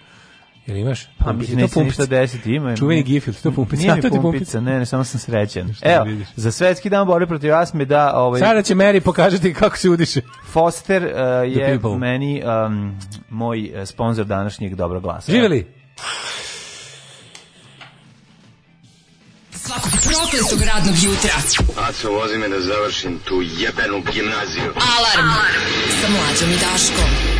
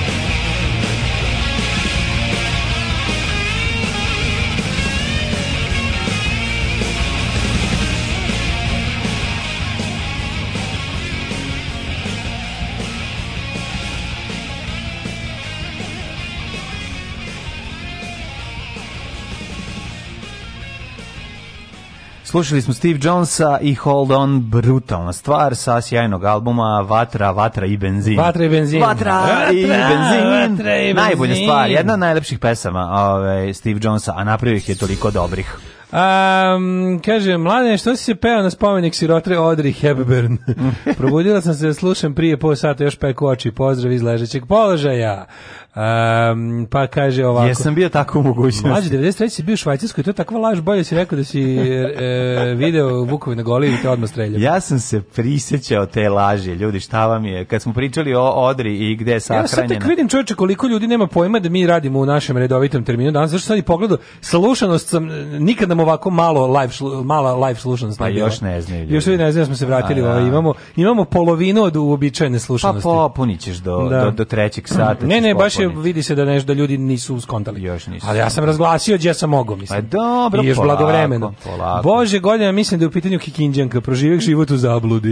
Uh, dragi naši, dobrodošli nazad. Poslala sam mlađi na Face Diplomski rad jedne zaključenke. E, ja se, teo sam da kažem Kaže hvala, Marija. Marija, otvorio sam ga i baš sam sad teo da kažem hvala puno mm. za mm. ove, ovaj, što si nam prosledila, a hvala i drugarici koja je ovo pisala, a ove, ovaj, radi se o Valentini Sertić. A, kakav je Roko car? Ja sam mislio on zna na tih par jezika da samo da kaže neke fraze, pa on obrazovaniji od svih naših ministara. Možete li čestitati rođendan Roku Sifrediju glasom Roko Sifredija? Mm. Ej, You like a birthday? Huh? How do you like? How do you like? Oh, nasty, nasty. Do you like it? Uh, do you like rough? Do you like hard? Do you like big cock, small cock? What do you like? A ko voli small cock? Mislim, kako je to pitanje? Mislim, kako je da mi ono kaže... Pitanje, do you like small cock? Yes. Ali moje, kažem ti, da moje omiljena je svakako Why do you like? I like uh, soft and romantic. Show me your ass. Is this romantic? Is this soft? Look, I'm not even touching the walls. to je moj omiljeni citat Roka si predje. E, uh, dobro jutro, kurati mačori, kako je lijepo vidjeti vas opet. Da. E, pa onda ovako. Staviti pišu na vaše ramena. Jeste, da. apsolutno. Da. Danas je svetski dan stara borsa. May the fort be with you. Danas je to. A to je na Zašto dan, to dan, meni ne piše ovdje na moj pra... Zašto nam e, pravoslavnoj, ove, kako se za Wikipediji ne piše ništa o tome? Uh, e, Amo Srpska pravoslavna crkvi slavi svetog e, slavi. slavi svetog svetomučenika Januarija svetog i to, Kašikosisija i to iz, u, u, maju mesecu a evo slavi i svetog Lukaska i Vokerija tako e, da u redu. Dobre, sve u redu. Ove, ovaj, lebe mekani upole redovnog slušalaštva je tu, a moje poruke ni od leka. E, hvala što ste tu opet. E, pa onda ovako... E, mlađi, ispričaj nam kako je bilo na Arkanovoj sahrani. Ne, ne, ja sam bio na sahrani poslednjeg Habsburga. Tako da o tome mogu da vam pričam i to igrom slučaja sam se tamo zadesio. A oni su rekli, marš, uh, e, posljednjeg Habsburgu se ne dolazi slučajno na sahranu. A, Hvala lepo što si došao. Nisam došao slučajno, sam ne išao, idem ženi na grob. Kad smo kod loše završenih strofi, istakao bih Garavi Sokak u pesmi, ići ćeš u zatvor, ići ćeš na sud, koja glasi, ti se sebi raduješ što srce mi presađuješ između, da, da, da. Taj stari, ono, koljač stihova. Ajoj, Bane krsti. Mislim, znam da je oko presuda da. radite Marković, ali nešto se mora istaći. da. A, skontali smo da radite od jutros, nego ko će ostati u sedam. mi.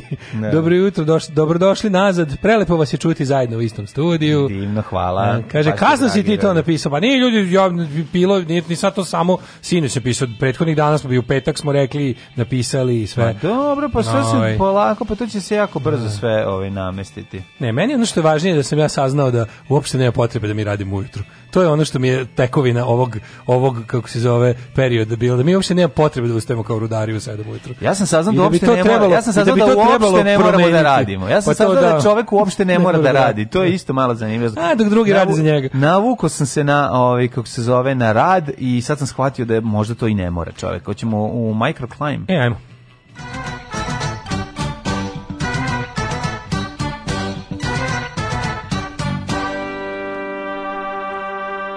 E, ja mogu da kažem da mi je trebalo bukvalno ovaj, prvi sat da prođe da ja nemam osjećaj da sam uopšte i pravio pauzu kad sam video lik profesor doktor Jugoslava Nikolića, on je ono equalizer, znači on mi je ono, on je iz, iz, izjednivač, izjednačivač izjednivač. izjednivač svega. Čekaj, vidim taj mim sa Jugoslavom što napravili, jako smiješan. Pa njegov slike piše dole preneće. preneće, da video sam u stvari. Ove, sledeća situacija, temperatura se malo, sunce se diže na, eri, na Erić, srdačno vas Dobrice. Ćosić, 10 stepeni u Subotici, Sombor 11, Novi Sad 9, si rekao da je 7 bilo kad si ustajao. Da. Evo porasla je. Kikinda 11, Bananski Karlovac 11, Loznica 12, Mitrovica 10, Valjevo 11, Beograd 10. Moram ljudima da objasnim da je smešno zato što misle da je u pitanju ovaj Kikinđanka, on je zapravo Kikinđanin. I sad ti, a ne zato ne sama imitacija. Jako teško da ljudi to shvate. Da. Ove, ja sam se isto bio zapitao kad sam kao Kikinđan, rekao šta sam ja? A zbog mog glasa. Ko šta ja nisam dobro skonto kao da. Kikinđanin. Pa Kikinđanin je da, bio. Čekaj, zove se Gruja. Ček, si ti me, si ti me. Ne, ne, ne, da, ne. Dobro, ti si znao, da, znači, ja, nisam da ja bio. Meni to u glavi Gruja. Da, da, da. U glavi ga ja, ja ga zovem Gruja. Gruja. Ja ga zovem Gruja iz Kikinđe. Gruja. Da. Ovaj, a, iz Bedema iz Bedema. On iz naselja Bedem. Za, Bedem nije romsko naselje. Pa, dobro, Gruja je. dobro gruje malo ovako tamni. Zlatibor 5, Sjenica 6, Požega 8. Ovaj, hoćeš ti crni vrh da nastaviš? Ma hoću da nego sad kažem ovo kao čitanje Hidmeta, nešto što nismo radili on dva meseca i onda mi sad... A dobro, ovaj period kada, kada vremenska prognoza ima smisla, odnosno kad, se, kad, su sve, kad svaki dan drugačiji. A ima. E, ove da. godine da. je pravo proleće. Ove godine je pravo pravcijato yes. proleće, kako yes. nije bilo jako dugo. Tako je. Znači, ima Bukvalno baš od, od Ivana Galeba nije bilo ovako. Od, od proleća Ivana Galeba da, da, da. nije bilo ovakvog proleća. Um, pa kaže ovako, Crne Vrh 3, Negotin 14, Zlatibor 5, Sjenica 6, Požega 8, e, Kraljevo 10, Koponik minus 1. E, da, da, Kuršumlija, ono, 9. Kruševac, Kruševac 11 ću prije, 11, Niš 10, Leskovac 10, ono, Kažete Zajčar, 10. 13, Dimitrovgrad 9, Vranje 10. Što se tiče vremenske prilike za a, budućnost, a, Raste temperatura, Milinoviću hteo ti to da priznaš, ali ne, Baba Maja razvaljuje. Znači, utorak 19, Maja. Zrenjanin, e, Zrenjanin, sreda 15, e, četvrtak 20, petak 20. To ti kažem, do kraja nedelje ćemo ovaj ponovo ostati Ma, kratki to je sve lepo, nego će sva jutra će još mesec dana da budu, razumeš, januar. To je gadno. Biće mm. jednocifrena jutra još. Do još... 15. jula će biti takva, onda će prestati. Da, da. Ako gledajuću ovu emisiju pašljivo pratite pokrete borilaca, otkrićete u čemu je tajna svih ovih veština i u čemu je tajna duha borilaca. Alarms svakog radnog jutra od 7 do 10. Do 10.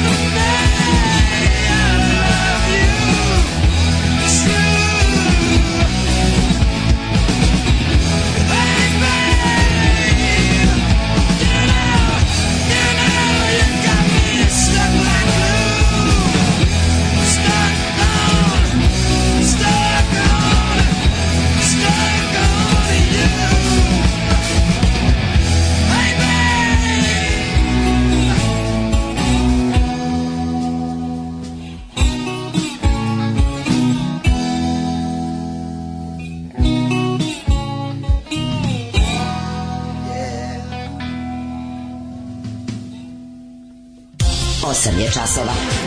Radio Daško i Mlađa. Prvi program. 8 i 25 kad se nismo videli dugo pa kad gotimo da se raspričavamo a pa dok se e. razželimo e, e dođete i do 8 i 25 slušali smo opet Australija otkako je Australija pala ovaj, Roast 2 tet, tetovirana ruža jedan veoma dobar australijski band. Zaboravio kako se novine govne. Vačpe je poznat po tome što se pojavio u, za vas koji ne slušate Rosta tu, videli ste ga u trećem delu Med, Bad Maxa, kad mu Mad Max onu perjanicu iznad glave skine kuburom, e pa to vam je pevač Rostatua, drug Angry. Kaže, ja se godinama već pitam što vi uopšte ustajete ovako rano, zašto ne bi jutrni program počinio u 10 i to je brutalno rano. Ko bi tada bio budan ako ne mora? Kikinđanka zauvek. Ne. E, Kikinđanka. Napušite mi se ganđe. Um, nepoznati muškarac upao u kuću Nataše Bekvalac. O, majko mila. Gledaj sad ovo novine. Nepoznati se... Bekvalac upao u kuću Nataše Muškarac. muškarac. Znaš to kao tranđa Nataše Muškarac?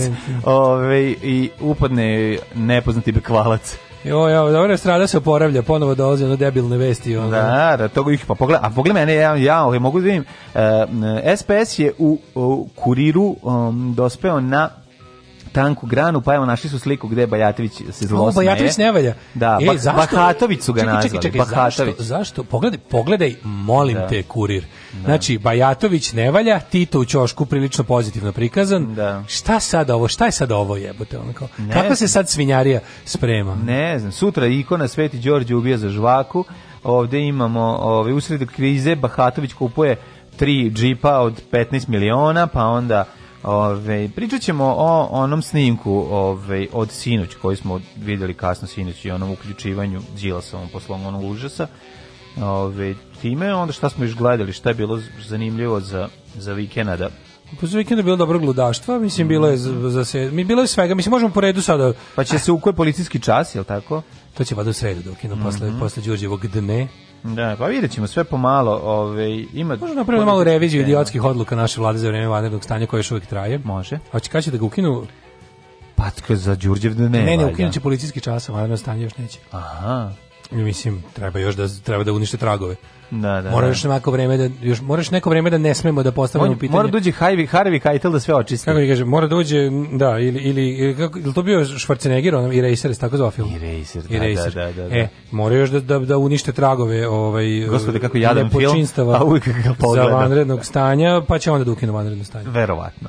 Ostanite uz nas da mi to sve malo promo da razbistrimo. Sad ćemo mi to sve. Da vidimo, da razmrsimo, da nađemo gde je početak, a gde je deblji kraj. Ali da se nadam da ga mi ne izvučemo. Deblji kraj je našem dupetu uvek.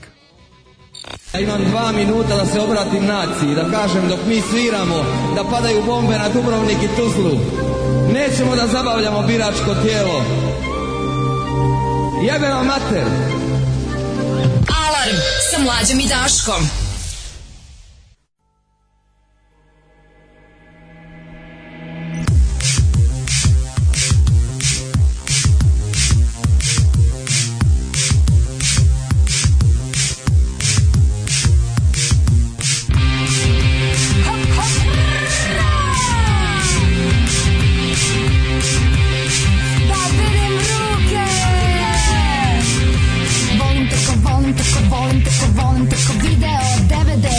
vrše igrice Volim tako, volim tako, volim tako, volim tako Sladoled i kokice, kasije i šljokice Volim tako, volim tako, volim tako, volim tako Konana, Dilana, Alana, ona za partizana Volim tako, volim tako, volim tako, volim tako LCD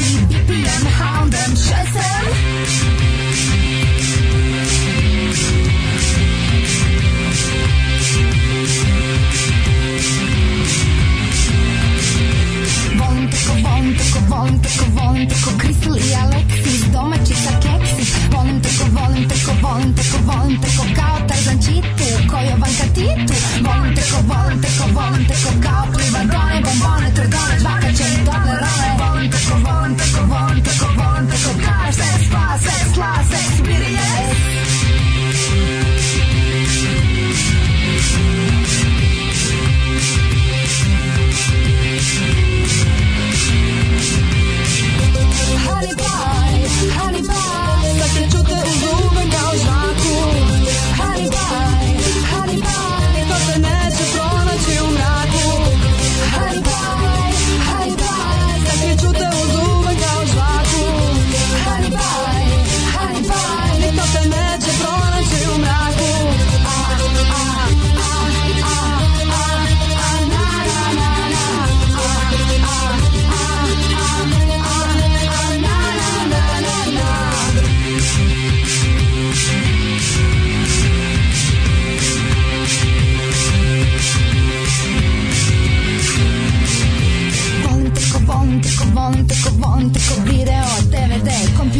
igrice Volim te ko volim te ko volim te ko volim te ko sladoled i kokice Kasio i šljokice Volim te ko volim te ko volim te ko volim te ko Korana, Dilana, Alana, ona dva partizana Volim te ko volim te ko volim te ko volim te ko LCD, BPM, Hound, M, 6M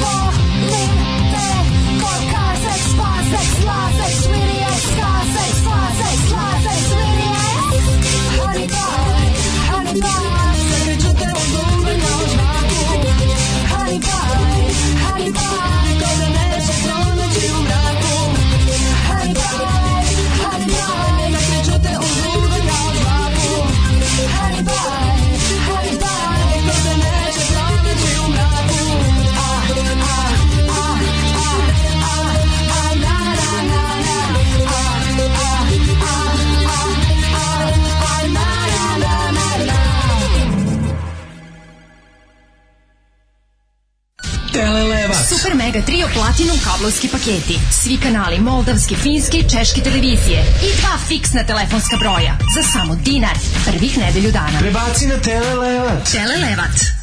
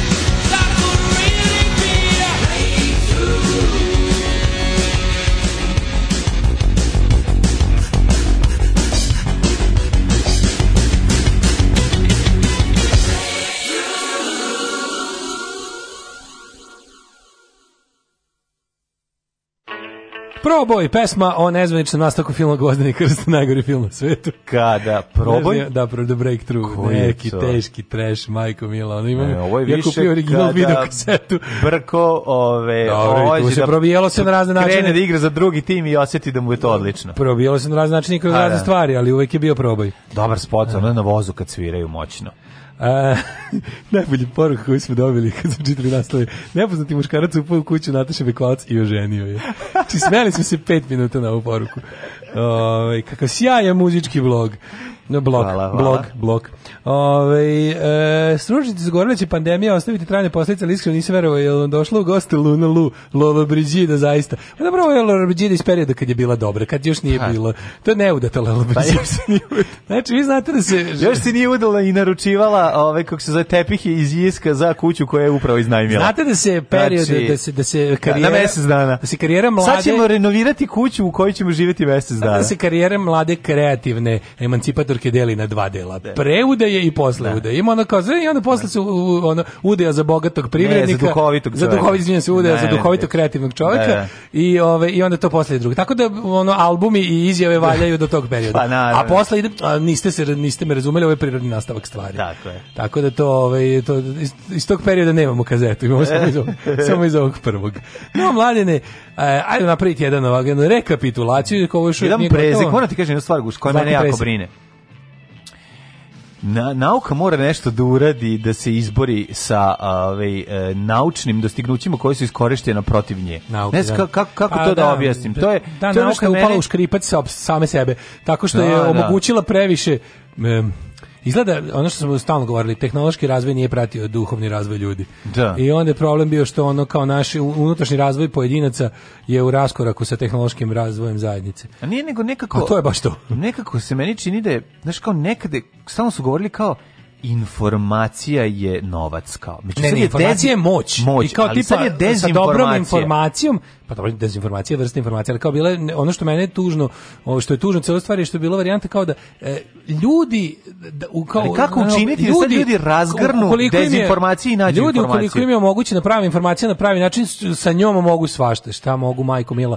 videli smo u zadnjih nekoliko mislim, ali ono što, što mene stvarno isto poslednjih recimo desetak dana sam bukvalno obsesivno ono pristupio sve sam u kao ono mislim da prioritet ono tipa ajde da kažem online delovanje ljudi u narednom periodu prvenstveno se tamo to dešava treba da bude borba protiv nadrija Tako znači je. ovo je potpuno otišlo u onu stvar ti vidiš stepen ludila je prevazišao sve mm, ono, sve granice koje smo znači da li tu se tako Ček, to se izvini, kako može mislim kako može lekar i narodni poslanik da izađe da izgovori ono da u se u Americi jedu deca postoje u restorani, restorani gde ti gospodari sveta jedu pečenu decu što je mislim znači to, pa to, to je ivice marice čoveče to je ono to je pečeš decu e, to mi je slabost slabo pa da li ne to, to je znači to tu čak to ni Stephen King na svojih 10 milijardi stranica još nije smislio. Ja sam ja sam izvukao kompletnu te kako glasi ta ludačka a pre, teorija. A pre, prema to, a, ja sam izvukao kako glasi ta ludačka. Zelda iz ono Sokolova, zemlje, znači, sve, Hopse, da. sve je strašno. A, ja sam izvukao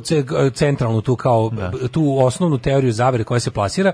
Znači ja sad ne mogu da upiram prstu više da kažem da ja, ja pretpostavljam da to ide u ono kao sve ukazuje na to da se organizovano to širi iz, iz ono kao iz, iz Putinovske tajne službe. To je otprilike ono kao odakle od, odakle su počeci te gluposti gde se to piše i kako se odatle. Ali kao nije to nikakva, kako da kažem, ne da mogu više ni ne mogu više ni da kažem, to, ne, mislim, ne mogu više ni da uprem prstom ono kao u ruske službe bezbednosti kažem vi ste zato što izvini molim te kao ako neko to napravi to ne to se ne bi moglo širiti da, da. američke kompanije to svoje oberučke ne prihvataju i za pare ne šire dalje. Da. Mislim, niko ne bi mogao vla, te trolove Vladimira Vladimirovića da ništa ne bi mogli postignu, da jednostavno nisu ono našli plodno tlo u, u besomučnom kapitalističkom pristupu svemu. A to je da za pare može sve.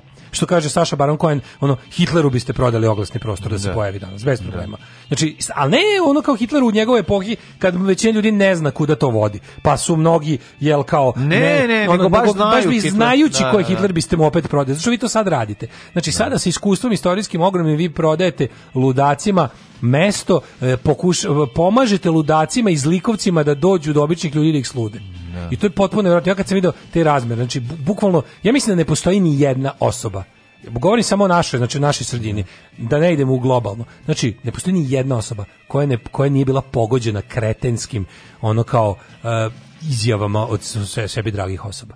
To, to je stiglo je do svakog od nas. Da, da, to jeste da. i što je problem kao Pri tome ne mislim samo na prijatelje ljudi misle, ne, ne, ne, vidite da da da. da, da, da. naš kao stigniti od nekog rođaka. Nisi ga čuo ni na koji način i evo ga. Nemoj paliti 5G, telefon ne, narednih 5G, dana 5G mreža 5G se mreža, uključuje. Da, da, da. Sve napišemo kao, izvini, marš u pizdu materinu, šta je s tobom, reče šta ti jedeš? Kao šta s tobom nije u redu. I onda vidiš pa kao, nije u redu, to, ne razmišljaš kao, nije, ne, pa ne, ne možeš, tako, tako ono, ti ćeš od, to, od čoveka od koga ćeš to dobiti na kraju, ćeš ono ipak vidjeti na početku uh, da, da, mislim da, da, da je koren svega zapravo astrologija. religija i astrologija, da, to je to, mlađe zajedničko sve te stvari, to je religijsko mišljenje. Da. I sad ti to možeš se da praviš blesav koliko hoćeš. Koren, vidi, koren svih tih zavera je crkvenjački. To je, to je ludačka priča o tome da postoje satanisti i da postoji armija đavola i da. mi koji smo na pravoj strani. Mi smo priroda, oni su veštačko i đavolovo. Da, to je ludačka priča, a e, na to se nakalemi ja smatram isto da je astrologija predvori ludilo. Znači to ono ideja o navikavanju pogotovo najtužnije, pazi, kao da postoje dva dva paterna ono sluđivanje žena se vrši preko horoskopa masovno, da. sluđivanje muškaraca preko tradicije i religije. Mm. Onako čisti, kad bi morao malo da uopštim, znaš, mada se jedno i drugo Ma, prima, ali kad bi morao da uopštim, kada bi morao da uopštim, znači ne. ono uh, ono kako da kažem priprema mozga za gluposti kod ono kao žena se uglavnom vrši preko horoskopa. Bro, mi pokušamo da nađemo a neki... kod muškaraca preko tih nekih idiotskih priča, znači tačno se nađe način kao šta je šta je komu humilije i i prijemčivije za slušanje. Ali bi kad bi morao da, da, da, da ono pošto se baš onog ja sam se ludački fanatično posvetio izučavanju tog fenomena da vidim ono jedno sam izvukao sam nekakav taj kao integral plot kog se oni drže šta je priča mm. savremenog tog kao ono se to se granao na hiljadu strana ima to nijanse ima svoje ali priče sledeće satanisti znači to su stvari to je klasična antisemitistička nacistička priča da oni ne mogu da kažu jevreji oni žele da na što jednostavno to je previše prokazano i sad oni znaju da ljudi dobro znaju da kao ako kreneš s pričom jevreji nam rade o glavi, pro, da. ono ćete kao nacistu. E sad, zato se, zato se izmislila gomila eufemizama za to i priča ide ovako. Satanisti, đavo, ljudi koji rade da. za đavola lično, tajna svetska vlada od jako malo ljudi koja se sastaje i koja da. postavlja upravlja svetom. Peku decu, Je šta će drugo da rade ne, ne, nego ne, da oni jedu ti decu. ljudi to rade, to ljudi, ti ljudi vole da jebu i jedu decu da, i oni im, satana im to omogućava. Za uzvrat, oni satani rade sledeće poslove. Da plan te tajne svetske vlade, čita jevre, je da mhm. zamene stanovništvo. Oni hoće da na svetu ostane milijardu, milijarde, da, da. Zlatna, zlatna milijarda. Što znači pa zlatna milijarda? Kao to je zlatni on, gol. oni su, ne, oni su procenili da je zemlja optimalno napravljena za milijardu, milijardu ljudi. Da. I kao oni to će, i e sad kao pošto im previše ljudi, oni će da smanje populaciju, da. ali prvo će da to unište... Su svi iskom u ruci procenili. Ne, prvo će da unište one koji se najviše odupiru, koji su jel uvek bili nosioci svega progresivnog i borci svetlosti. Hrišćani. To su hrišćani, beli evropski hrišćani. da. E, to će satani islamisti čita jevreji da urade tako što prvo menjaju stanovništvo, dovode migrante, eh, e, sad šta dalje rade? E, onda, pošto nije dosta, treba napraviti... Jedigrante da im sviraju. Da. E, onda oni ovaj, su, eh, kroz razne, kroz vakcinacije obavezne, oni će nam ubaciti ili već čip, su ubacili da, čip, čip da, koji da, je da. razvio Bill Gates, jedan od mm. glavnih satanista za potrebe, naravno, dok je sla, George Soroša. Dok je mašta da Slavicu izbavimo kad da čipuje, to je najbolje. Pa, da. Evo ga Bill Gates kako mašta da čipuje Slavicu izbavimo, kad to je jedan od najboljih I pazi, timova. I onda kada svi budu čipovani, onda će oni putem 5G mreže da uključe zrake smrti koje da, će da, da, da izazivaju razne bolesti. Ne samo bolesti, nego preko tih zraka ne, da oni mogu da, da izazovu bolest, da- a pre toga da te, prega, da te iskoriste maksimalno, yes. da ti kontrolišu život na onaj ovaj način ali ono kao da. i sad sad na šta najsmešnije? Pa već su oni to uradili, jer kako da objasniš drugačije da najviše Srba, hrišćana kad idu na Pornhub traže, ovaj traže incest. Da. Znači to ti je pa jasno. To je 5G. Mi dosta normalni, ali ono pa, sad bili smo normalni, ali su uključili 5G i sad gay svaki mrežu. peti o, neće biti gej jezivo je pa način... 5G pa šesti nije. Ne, 5G pa da, svaki da, da šesti će ostati normalan, normalan, normalan, normalan. I sad ti vidiš da oni, da ono šire to priču, sad kako, kako je regionalno, ovaj, si vidio, znači, pročitaš hrvatski zaverenički sajt, pročitaš da. srpski zaverenički sajt, vidiš da su nijanse samo u tome što je ovo od uvek bilo upereno protiv hrvatskog naroda, da. čitaj srpskog, srpskog naroda. Da, da u Americi ide ta, to su te ono white anglo-saxon prote, protestant ono priče, o tome uvek je ta priča ugroženosti bela rase koja nestaje, koja je zbog ovog jednog razloga, ali znaš najinteresantnije, e, kako, ja sam malo proučavao i način odakle to, polazne tačke toga svega. One nisu uvek iste. Znaš, oni bukvalno kreću tip, oni su se te tip e, Facebook page-ovi koji idu, koji se reklamiraju tim takozvanim Facebook adsima, stvarno su, oni su dosta stvari zamaskirali u levičarske stvari. To počinje kao nekakva, znaš, kao dočekate slika Che Guevara i onda mm. kreće priča o tome, ne znam, prokubanska priča, sve kao da, da i onda e, ali onda u drugom kolenu već antisemitizam. Odmah kreće mm. polako. Često to je nekakav to je zapravo antikapitalizam kao ali nije nije razložni onaj ekonomski antikapitalizam koji je ono kritikovan sa ono kao kako kažem naučnih pozicija nego je jedan nekakav magijski ono antimoderni tipa kapitalizam se dovodi kapitalizam jednako jevrejstvo ne. jednako moderni svet jednako jel đavo. Pa znamo pri tome oni to je, ne beže od samog kapitalizma. Ne beže, naravno, to, to, je, to je u krajnjoj instanci za mnoge tih, za, za pojedince koji prednjače u promovisanju tih strana, to je ogromna industrija lov, to je, da. to je ono ogromni izvoz zarade. Znam, postavlja se pitanje na koji način mi možemo uh, popularisati naučno mišljenje. Mislim, ja znam da je ono, da za to neophodno nešto pročitati, za to je potrebno uh, um, prethodno znanje, za to je potrebno sve to, naš, jako je teško, jako ti tu teško da se suprotstaviš tome kad je ono dovoljno da pročita mastan naslov uh, i da ti ga po, ono šeruje dalje i da kaže evo vidi šta se sprema. Dolaze da nam ono sipaju eh, čipu u vakcinu. Znaš, najgore, to je, najgore to je jako, znaš, najopasniji znaš, po meni, kako najopasniji. Kako nauka može da objasni običnom čoveku šta znači 5G i kako se one razlikuju od 4G kojima već i zašto koristiš mobilni telefon? Što je Makedonski da. pisao, idite kao ako ste se osjetite loše, idite u telefon settings, da. switch to 3G i ozdravit ćete. Pa, da, ozdravit to, ali kažem ti, znaš ono ti, ti si, znaš ono, ti, ti koristiš 4G da bi širio uh, vesti i, i, i, i ideje o tome kako treba paliti E, sve što ima veze sa, sa 5G. Razumeš koliko je to koji to stepen, a pri tome se ono u talasnim dužinama i ono šteti po tvoj organizam, ono ne razlikuje ama, ama baš ni malo. Znači, ono, sad, Ma ne, dobro, to, to, znaš što je for, I onda još vole, vole još jednu stvar da kažu, nije dovoljno vremena prošlo da može da se tačno otkrije koliko se. Pazi, Samo zračenje, e, istraživanja o zračenju mobilnih telefona su pokazala da od zračenja mobilnog telefona ne dobiješ rak. Znači, to su istraživanja koja postoje. Išao sam, ja, išao sam ja do samog izvorišta ludosti. Znaš šta sam isto primetio? Ka, koliko, da u osnovnom kako, školovanju... Kako ti možeš, kako ti da kako da sad dođeš do toga da napriš settings mlađe? mladom čoveku Evo, da on sam, ne ide to sam, to sam baš mudrovo, evo šta sam izmudrovo, a to je sledeće. U osnovnoj školi treba jako puno vremena posvetiti tome da ljudi shvate šta koji pojam znači.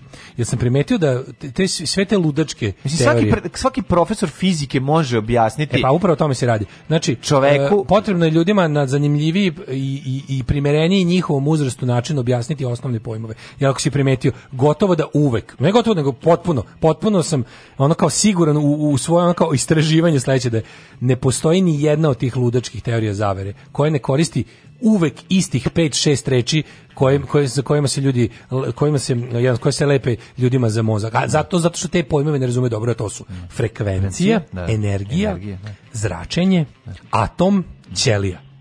Znači, ne znam da li imaš neka. Ali to su nedovoljno objašnjeni pojmovi. To je ispušteno da se ljudima, ne, e, propuštene prilike da se ljudima u uzrastu, kada, da li se prerano, da li se na pogrešan način. Uglavnom mislim da bukvalno ovih šest magijskih da, reči da, da za budale, jako, da, da, to je da. bukvalno kao to imetna što je energija. To, da. si, to su reči kao neke velike reči koje nisu velike reči. Znači, on kad kaže ljudima, energija to, to i to, energija ono kao sposobnost vršenja rada određeno. Znači, ako nešto razložiš ljudima da kao da to nisu nikakve mistične stvari. Međutim, mistifikovanje ovih pojmova koje sam ti naveo, bukvalno dovodi do ono sa ovih pet reči, šest, da. pet, šest, koliko se ne znam kako se nabrio, pet, šest, kada vrtiš i pogrešno tumačiš te reči. Znači, ide, onako tendencijno... Ide besmisla, da. Ide eksplozija, za ti da. može sve živo. Znači, jer ono kao ako ti ne, ne, ako ne koristiš naučnu definiciju ovih reči, nego da. odlaziš u nekakvu religijsku, mističnu, Za početak, magijsku... Možda smanjiti da. količinu energije na koncertu Amadeus Benda. Ali ti znaš, tamo je dobra energija.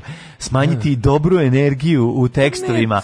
Ne, ima raznih tih, ono što kad kažemo, to zrači. Jebate, znaš kako sam više ljudima da sve što proizvodi energiju zrači. Sad ti kao, kako, znaš, ali kad, znaš šta je najbolje? Ti vidiš da u, kada pokušaš sa neukim čovekom koji ti objašnjava jako velike stvari, van njegovog poimanja, kad to nekako, uvek, uvek ono što sam primetio da funkcioniše, kada ti neku tako veliku, isto njegovu veliku tvrdnju, nekako slomiš Eh, izjavom ono takvom nekom o nečem što nikad nije razmišljao. Znaš, kao kad kažeš, kao kad kažeš ljudima koji ti onako koji pričaju kako treba poklati sve muslimane, pa im kažeš, kao, znaš ti da je Isus Hrist jako važan prorok u islamu. To su neke stvari koje njih potpuno kao, a, molim šta? Kako da, ko? Da. Šta? Znaš, onda onda on umesto da na primjer da se potuče. To, to, su takve stvari. Znaš, ovo sam bio banalan primer, da. ali kako i onda onda tačno gledaš kako ide njegov dalje istrenirani mozak, kako on dalje kao, mm -hmm, ukrali su nam ga muslimani, mm, kao i sve što su ukrali, jer naše pravo. Ti kažeš, ali vi ste sve ukrali od prethodne starije religije judaizma. Nije, jevreji su nešto novo zlo što je došlo do uništi hrišćani. I onda uvek je naš ono, ti uvek tako ideš, naš, kad bi recimo ima prilike da porazgovaram sa jevrejskim nekakvim ono iz, iz neke ortodoksne sekte koji on, znači isto bi došao da mu kaže izvini, naći ću ti od koga ste i vi to pozajmili, jer jednostavno to je stvar koja se ono perpetuira od početka civilizacije. Pa, znam, onda bi došao bi na kraju do, do, do, do, do, do toga da on, kako ti kažem, da ne, nesposobnost da on promeni svoje mišljenje, do toga bi došla znači ono, znaš. da je to jako, jako teško i opet pričamo o tome, znači, u, u formativnim godinama je važno da se neka određena tako je, informacija tako, ali ja, ja nekako sam nađe. baš razmišljao sam kao e, jer sam uvatio zakonitost da ove reči koje da. se nabraju to su reči koje oni mistifikuju i od toga prave nekom ljudima koji nisu jednostavno dovoljno pažnje posvetili ne. šta te reči znače to su jako kao to ispalo su jako velike reči a nisu to su ne. lako objašnjivi pojmovi iz osnove iz osnove fizike ili biologije ili čega već i onda kad se to propusti da se uradi mislim znaš ono bukvalno ono kampanja vratimo obrazovanje u škole pa, i što mora pod hitno znači kako veronauku znamo i mi moramo da, da izbacimo veronauku iz škola. To je primarno. Či znači, veronauka u crkve. Da ako želiš da se ako želiš da kako da kažem naučiš da to pravi izraz, ako želiš da naučiš da slediš pravila svoje religije, idi u ekspoziture te religije, a to su crkve, idi u njihova predstavništva, pa tamo nek ti ubacuju u glavu ono što je po njihovom ukusu, a kao obrazovna institucija ne, to mora pod hitno da izađe. Znači jednostavno, to, to, ako to ne uradimo, Zato što gledaj, pogledaj ko su glavni dakle, ono, smanjite Svetog Savu, pojačite Dositeja. Ko su, ko su, ko su promoteri, ko su, ti vidiš da su jednostavno ti, ti takozvani veroučitelji. Pa to je jezivo u kakve oni stvari, mislim, znaš, kada, se, kada ti veroučitelj krene u te priče, kada on uvati da ti objašnjava šta je energija i frekvencija, najabo si. I milion puta sam rekao međunarodnim predstavnicima, ne može katalizator je počeja žica Tu misto mesa može li pizza Može li balantajn umisto džeka Evo ti šta sam mu reka Reka sa... Ne može Ne može Ne može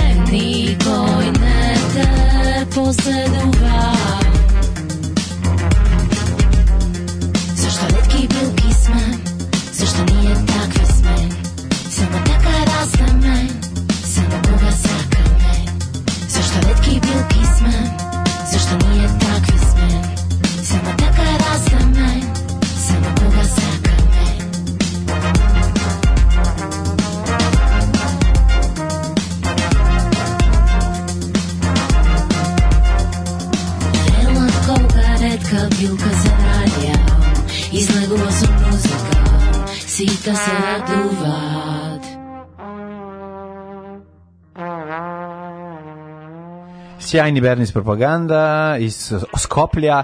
E, Skopija. Tako. Au, što stiglo puno poruka. Kaže ovako, ovaj, su glupi ovi što misle da će biti 5G. 5G paravan za 6G. Tu, kre, tu kreće ksauc ali ksauc. Haos. Haos na, na Čirilici.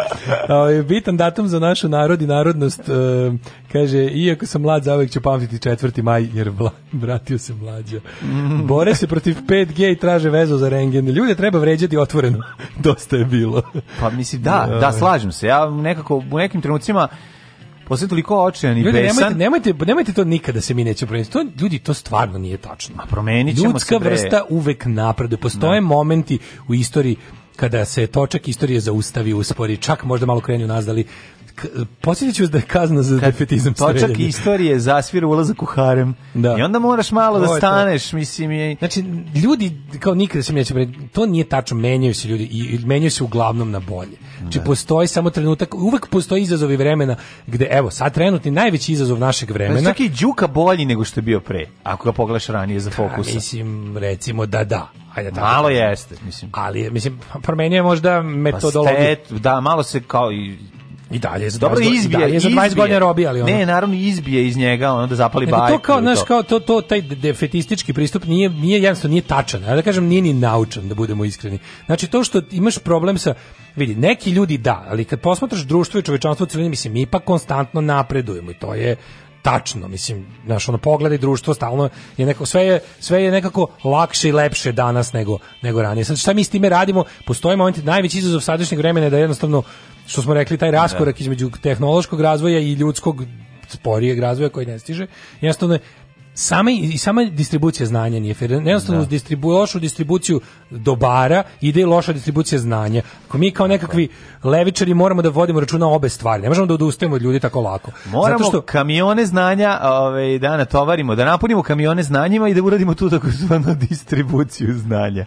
Da, pa da, da, moramo mislim, ljude po... znanja, znaš kao i kao i što što moramo pogađati. Kao što svega na svetu ima dovoljno, ali nije dobro raspoređeno, da. tako i znanja vala ima dovoljno na svetu, samo nije dobro raspoređeno urađeno. I znaš, i pa sad u ovim trenucima šta je, šta je kratkoročna strategija? Da li ono kao, ono što, bih, što sam ja primetio, što bi možda izveo kao kad bi vidio, a šta preduzeti je, postoje neki ljudi koji su trenutno beyond repair, ono što kaže, nemoguće ih je popriti uloga društva je takvi ljudi drži dalje od mesta odlučivanja. Znači jednostavno postoje ljudi koji su pa neću kažem rođeni zli, to je to isto glupost, ali da se ne. pesnički izrazim. Nepopravljiv. Nepopravljiv. Da, znači, da. takve to je jednostavno važno na ovaj ili onaj način držati daleko od mesta odlučivanja i daleko od mesta, da kažem, bukvalno zaražavanja drugih ljudi tim glupostima. Zato što ti ljudi na početku kad pogledaš, oni love, ono, mislim, ko bi ikad poverovao u bilo koju religiju da, da se sa njom susretne kasnije u životu i da ti je nisu preneli roditelji. Znači, ljudi od kojih si ovistan da preživiš, ti u isto vreme kažu, znaš, otac ti kaže nemoj ići nemoj protiv hodaš po vazduhu preko terase jer ćeš da. poginuti i ti kažeš jebote skroz je upravo, pa ovaj čovjek sve zna. Ne. Da, da. Bog te ovaj sve zna. Potpuno mu nesvesno poverava mu ruke svoj život.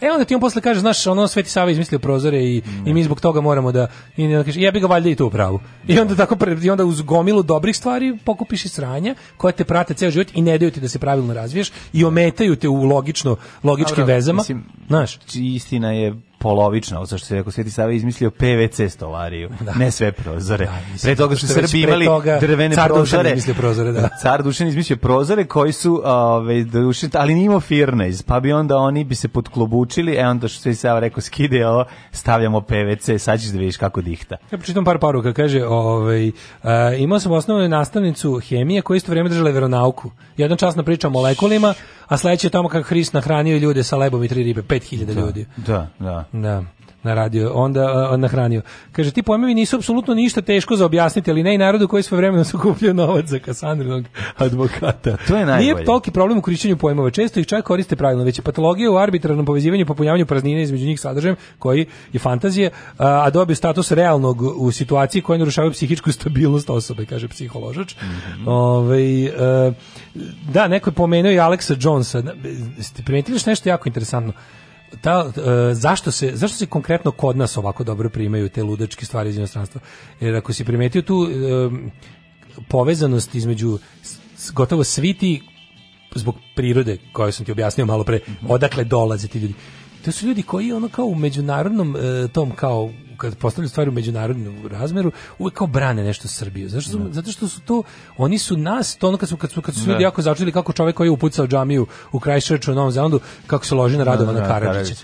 To, to je ono što smo pričali, znači to internet podzemlje, povezano sa religioznim podzemljem, u, kon, u konkretno našem slučaju, Srpska pravoslavna crkva ima ekstremno podzemno krilo koje broji već, ja mislim, sigurno stotine hiljada ljudi, koje jednostavno onog to gnjili buje to će uskoro provaliti na mm, to, da. to provaljuje već polako na površinu kada se politički organizuje. To se za onda oni su zadojeni mitovima koji su još na još koje proizvode. Kaleme, da, još i proizvode kaleme nove, kvazi nove. nauku, da, da, da, da, kaleme kvazi nauku sve u službi kako ti to politizacija religije znači da oni jednostavno ti vidiš Sve da to u službi i da. ona da rađa onda brani mislim to je suština a svi da plaćaju da. to je to je cela priča ja ono što što ja mislim je ono u budućnosti zaista mislim da nekakve prosvetiteljske uh, organizacije ili, ili, ili institucije prvenstveno mislim Evropske unije, moraju da ulože jako mnogo više novca i vremena na borbu protiv ovoga. Znači, što neko reče, na obrazovanje i mladih i na re, neku, neku vrstu reobrazovanja odraslih ljudi. Jer ovo je potpuno ludilo. Pa znam, možda kad bi na neki način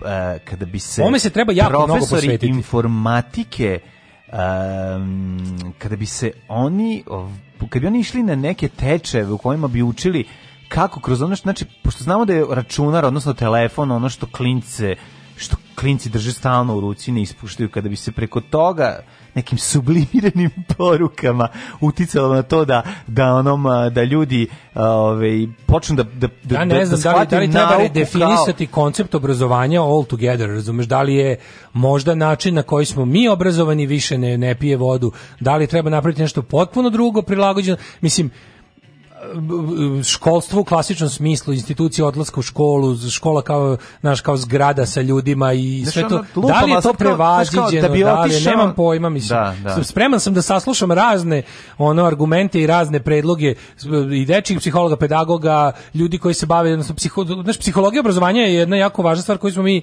ispustili i stavili isti koš sa, na što su sve stvari koje treba posebno polako i Evo predloga. Znaš. Evo predlog u čega da se uloži novac. Da. U to da kad klinja klikne na YouTubeu na jalu brata da mu pre toga izađe ono kratko 15 sekundno predavanje o tome kako je zemlja kruga i šta je ono. Ne, da. ne, ono što ne mora čak ni tako, da, ne, neko da, zemlja okrugla, zemlja okrugla, zemlja okrugla, verovali ne. Niko ti kaže suprotno hoće da ti da, uzme da, pare i ljudi i da su na, tom Uh, Ovi naučnici su stradali da bi to do, dokazali, dakle, ljudi su... Zemlja je okrugla, ko da, ti kako? kaže da nije, da. hoće pod jedan, ili da ti uzme pare, ili pod dva da, da te natera da počinje zločin. Da, i onda nakon toga ide... A pre toga je ovaj to čuo, morao je, da, nije mogao, da znaš, ono da pokušao da skine. Da, da, da. Eto, možda je to jedan od načina. Izgleda da, da. Znaš, razmišljam kao, kako promeniti pristup obrazovanju. Znači, uglavnom, u svakom slučaju, ne može da ustati. Mislim, to je i dalje manjina, ali se agresivno širi. Ja. Ti vidiš da jednostavno pronašli su način, pronašli su način da se jednostavno najluđe stvari uspeli su ljude da nateraju da u isto vrijeme drže ovo dve ono različite da, da, oprečne, da. oprečne misli. U glavi da u obe da, da. veruju. Nije problem kada si ti u stanju da, da, znaš da može biti i A i B ponekad. Ali kad su A i B suprotne stvari, a ti veruješ da se obe dešavaju isto vrijeme da su jedne i druge ispravne, to je već to je neka vrsta šizofrenije kognitivne ono. Mm A, Aplikacije na mobilnom bi mogle da pomognu, tipa igre koje zahtevaju zaključak i za to daju nekakvu nagradu. Ove, kaže, pre četiri godine sam ponovno pročitao travničku hroniku i shvatio sam da se narod za 150 godina nije promenio. Mislim, narod se nikad nije promenio. Ljudi se u suštini ne menjaju. Ljudska priroda je ljudska priroda, ali se može i tekako uticati na razne, ono, da kažem, finese, ali to nisu zapravo ni finese, to jesu važne stvari. Mislim, kažem vam, ljudi napreduju, ako, ako ako tvrdite ljudi je da napreduju, to je opet antinaučno razmišljanje. Mhm. Mislim, ljudi svakako napreduju, ljudsko društvo napreduje u raznim ono kao vidovima. Samo treba treba taj napredak ono usmeriti u pravom Mislim, nije svaki napredak Mislim, znači- kao naš ekonomski napredak. Nije, koji da, predsjednik... čak i pravi. Da, da, da. Ego, prvo tome što... Um, na, e, trenutni stupanj ljudskog razvoja i pravac u kojem smo gledali jeste istina. Istina je to da mi imamo toliko znanja i moći i i tehnologije da se znanje u onom nekom klasičnom smislu u lošim rukama može pretvoriti u kraj civilizacije brže nego ikada. Da. Brže nego ikada. Uvijek ja kažem A to je ljudima, strašno molim vas nemojte dopustiti da rastu fašističke tendencije jer današnji nacisti koji su ideološki da. slični onima a imaju oružje današnji za masovno će završiti svet Tako, razumeš da, će da, da, okončaće svet to je problem da. Ajmo se vratimo prvo na, na da se vratimo malo na naše ove. Pa mislim malo što bi rekao naš prijatelj da pogledamo i u naše dvorište. Ove, se, pa videli smo ono što je meni obeležalo kraj dana, prvo sa ovaj, Twittera, a zatim i sa direktnog uključenja u emisiji kod Alje Bećković. Jeste, bilo je grozno. To je bilo ja sam prvo vidio to na Twitteru kad je da. mislim videlo se da je ono, videlo se da je da, je, da se jako uplašio. Pa ne, ono na videlo se da je jako uplašio. su videli ste svi. Dragan Đilas, da, videlo se da, da se jako uplašio da ono bilo stvarno mučno za gledanje. Da. Jer stvarno kad je rekao, mislim videlo videlo se da je čovjek da nije birao reči da se tresao da. da je ono bilo da, da je bilo ono da da se uplašio baš da. baš i onda onaš ne ne ne da razlog za to je bilo jer je bo, na zgradu preko puta zgrade u kojoj žive njegova deca i bivša supruga je postavljen razglas sa kog su puštali ono što nam što nam puštaju puštaju svako veče da, da, da, da.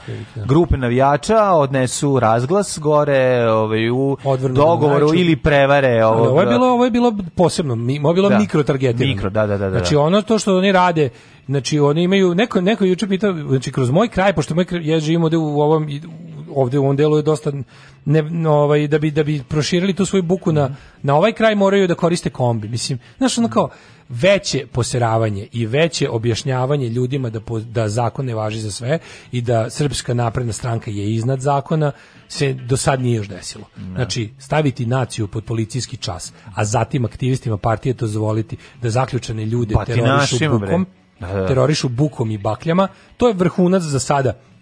Ja mislim da u ovom obliku mislim, nije zbog nije zbog toga se neko će ova vlast pasti. Mislim, on mora pasti. Kako mora pasti. Mislim, tu, mora. tu nema, nema govora. Mora samo bilo dobro da to bude pre nego kasnije.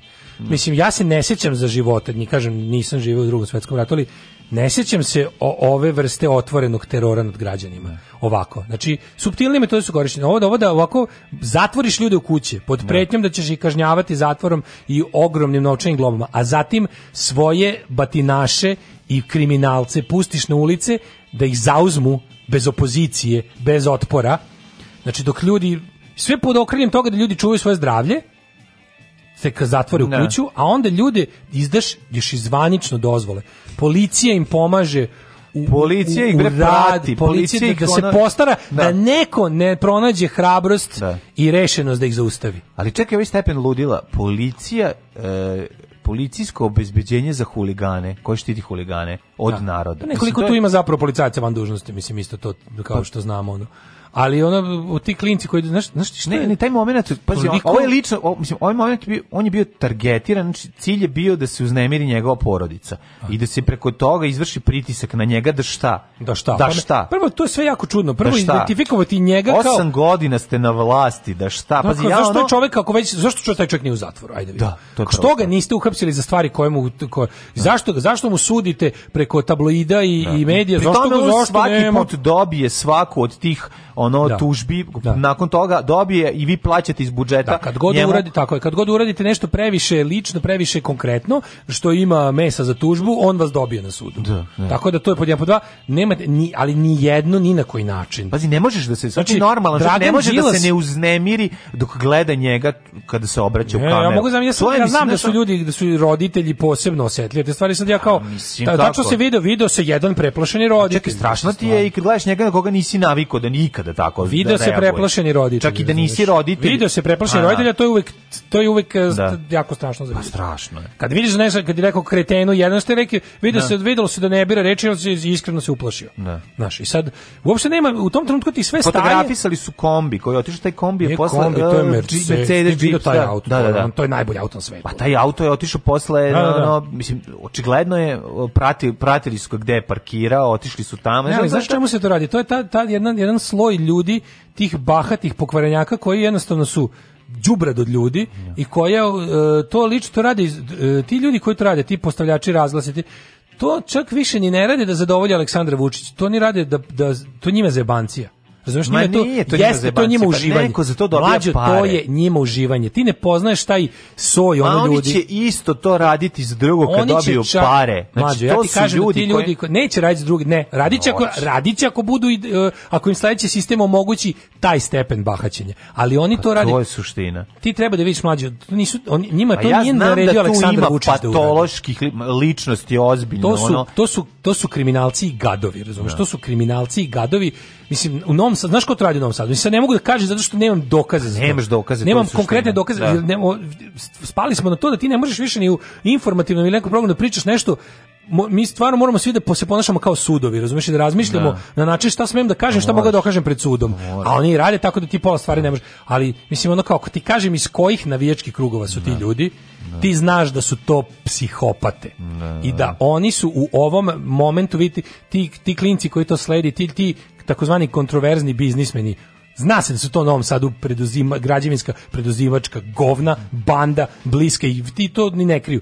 Oni na taj način, oni jednostavno kroz, kroz, kroz to što tako bahato krše pravila koje su nametnuli društvo, pokazuju koliko su iznad zakona. Njih to loži. Razumeš, mhm. njih to loži i to jeste tako, to su takvi ljudi. Ti znaš da njega najviše loži na svetu da donese pravilo i onda da kaže to će sad biti tako, a za mene to ne važi. I to je na tome se bazira sve.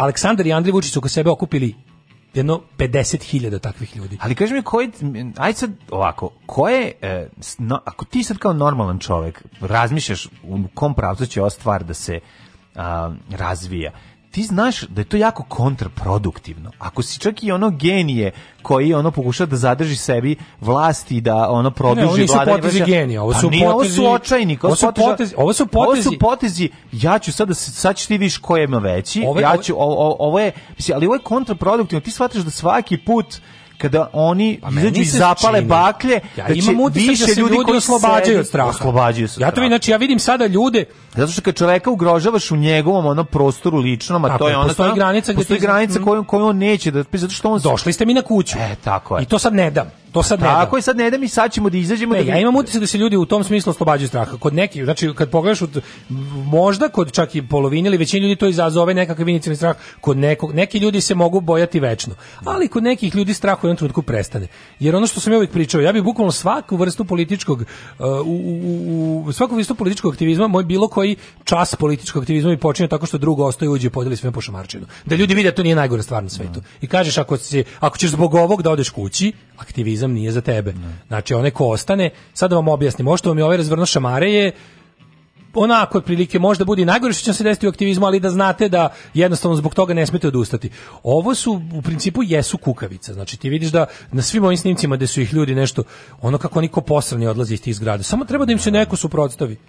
Bilo je stvarno primjera, mislim, na desetine snimaka su bile da su oni došli, pa ne, negdje su uspeli da obave posao pa da odu ipak pod jedna repa, kolik... a negdje nisu ni uspeli da obave posao. Da, i što je sjajno. Su ljudi jednostavno izašli. Da. Oni snimak jako isto pa dobro. Pa su nišu kako su prošli. I on lik izašli i rekao kao šta ste vi ste kao vi neki neki frajer kao šta bi tri puta mu rekao šta šta je, šta šta je i otišao. Da, da, da. I otišao ipak. Da, da, da. Zato što oni ne znaju ko je s druge ne, strane, znaš. Da, ne znaju ni oni ipak znaju da tu ima ludih ljudi, mislim ludih u, u smislu da ono kao kratkog fitilja. Jer jednostavno postoje različiti likovi koji različito reaguju. Nekom je do nekom dosta sedenja u kući dva meseca. Nekom je neko ne, iz raznih razloga je iznerviran, pa će mu ovaj doći kao, razumeš, iskra na, na, na ono na barut. Na barut. Ali ovo što je bilo na Šovsijen će bilo Znaš, ne, ovo je bilo ipak poseban vid ovaj, nitkovluka. Mislim, to je, ono, zna se šta je bio cilj, oni su to postigli, sad samo postavlja se pitanje kao dokoliko će to sad niže padati. Šta je sledeće? Mislim, mi znači, da da moramo da dođu, mi moramo da istrajemo. Na ono kao mi moramo da istrajemo, znači ono na koristiti sve moguće načine za protest. Ono ne znam koji ću ti natakariti na prozor. Kao toliko to je toliko smešno, ti znaš ono ne trude se da sakriju ništa. Ti ništa bre naše društvo je podeljeno u to da sve što ima veze sa SNS-om je naš neprijatelj.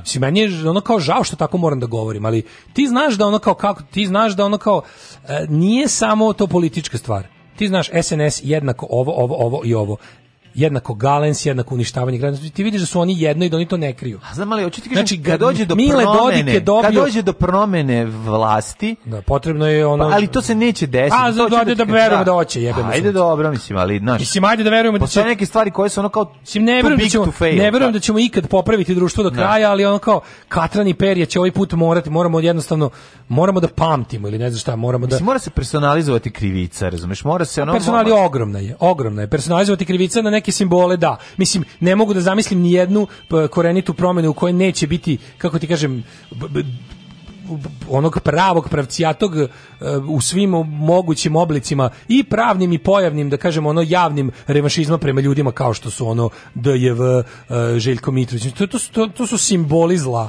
Znaš, simboli zla i on, simboli su važni.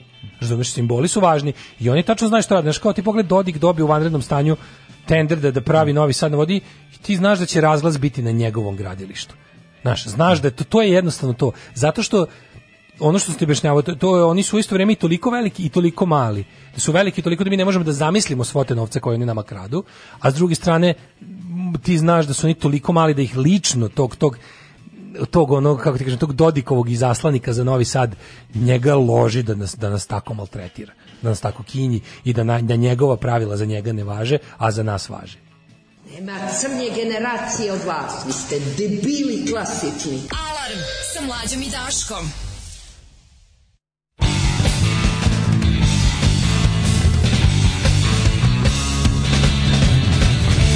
There are some things a guy gets from his past.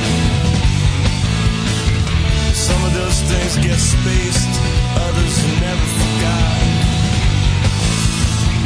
I got such a tradition. I keep in my truck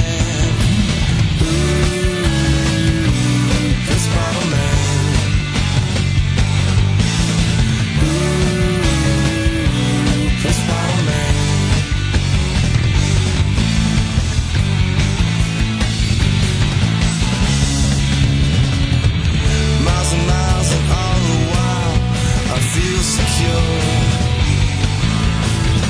Even when the fuse gets short, I can keep my nerve.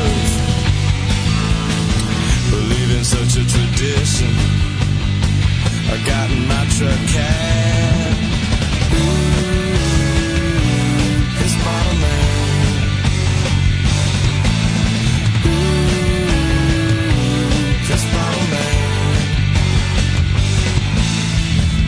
bottle man, piss bottle man.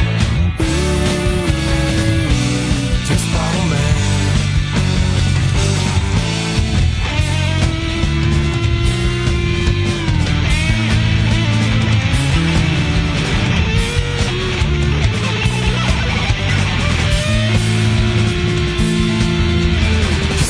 man, piss bottle man.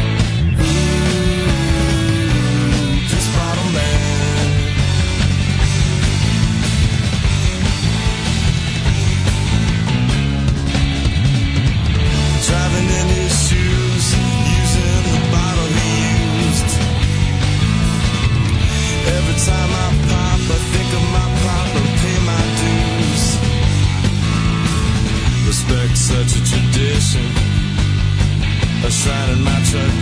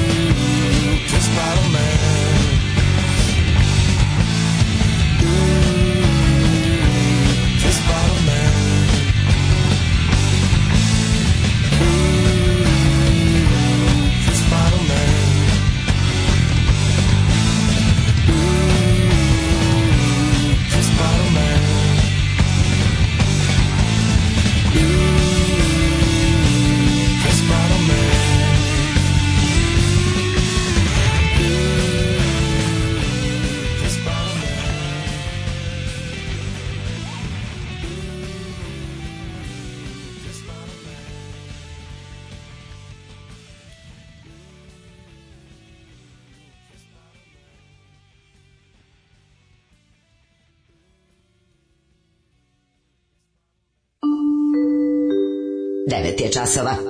Radio Daško i Mlađa. Prvi program.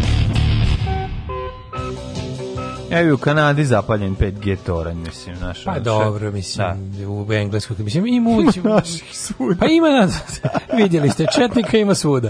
Čuvanje klip iz Disneylanda. Ove, kaže, bože, jebote, koliko ste mi nedostajali. Osjećala sam se baš usamljena u svojih histeriji oko svega. Prelepo je vratiti se u mjehur istomišljenika, hvala vam. E, alo, di je Đorđe, ko vam je ovaj garavi? I garavi može da zabavi. Da. Ove, e, pa kaže ovako. E, evo, ljudi ne veruju da Đilas bio iskreno uplašen. Ili bio iskreno uplašen, misliš, šta, mm, kako? Da, bre, ona nije mogla onda se fejkuje, ali dobro, mislim, ajde, možete... Mislim, bio pa je iskreno uplašen. A, na, na, bio iskreno uplašen. Zašto ne možete da, mislim, to ne znači da ti je kako ti kažem, evo ja na primjer najviše na svetu mrzim Boška Obradovića. Mm. Znači ne postoji, da. ne. Znači, Čko, želim njemu lično, ali da je da, da neko sad došao i rekao da je neko poslo deci Boška Obradovića, ne. Da. nekako prijatelj, ja bih rekao ono, jednostavno, kao ne, ne postoji u redu. Ne, ne, to se kao nemojte pa ne, to da radite. radite pa naravno. Nemojte ako, ako ako plaču nečija deca zbog toga što su to to sam neću ja da budem opšte mesto. Ja stvarno ja, ja sam stvarno vrlo ono nemam ja te kao skrupule to ja ja, ja, ja u ovoj situaciji uopšte ja ne želim da smirujem situaciju meni meni meni ne, ne želim da smirujem situaciju mislim da situacija nije zaslužila da se smiruje mislim da se jači mržnje i gneva nisu zaslužili da naša strana večito reaguje okretanjem drugog obraza to ni pošto od mene nećete čuti ja nisam za takav pristup stvarima Ne, isto tako ne mogu zbog toga što živimo u ovako ludačkoj zemlji što imam loša, izuzetno loša iskustva sa sistemom ove zemlje. Isto ne mogu da kažem sve što mislim, a na šta imam pravo po ustavu ove zemlje, samo što će mi se na to pravo posrati i zatvoriti me i ono nestaću za 30 dana, pa ne mogu baš toliko da, da nemam taj luksuz da tako pričam, ali mogu da kažem otprilike znate na kojim pozicijama svojim Ako... Ali Daško, ja bih živ, ja ću ostati da naprim da. knjigu bila je časno živjeti s Daškom. Da, ne mogu da kažem sve što želim i što treba da bude rečeno, ali umete da čitate između redova kad se tiče koja moje mišljenje o tome kada te nasilnici napadu kako se odgovara. Da. S druge strane ono kao postoji čak i u tome svemu jedna granica koja kažem ti ono kao Boško Obradović nikad neću glasati ni za što što uključuje Boško Obradovića. Ne postoji način da mi se objasni da je Boško Obradović bolje ovaj nešto od Aleksandra Vučića ni na koji način to sve. Ali da mi neko kaže da je da je iz nekog razloga neko montirao preko puta kuće Boška Obradovića džinovski razglas i gruva ono tata vam je govno ne. Da. deci Razumeš, to nema potrebe da se radi. Ne. To nema potrebe, da se, to, to, je, to se ne radi. Ne. To, na, to, na primjer, neko, to je neko ko je antifašista ne bi radio. Jednostavno, antifašizam treba da možda parira fašizmu po brutalnosti kad je situacija takva, ali ne može ideološki da se sliže s takvim stvarima, jer onda gubi smisao. U narednom satu ćemo da se pozabavimo, ja, ja se nadam da ćemo stići jednom temom koja se meni jako da. sviđa i već mi je izašlo na gangilije kad sam pročitao, ali tebi će verovatno. Bračni par otvara restoran za jednog gosta. Ja. Švedska. Hm.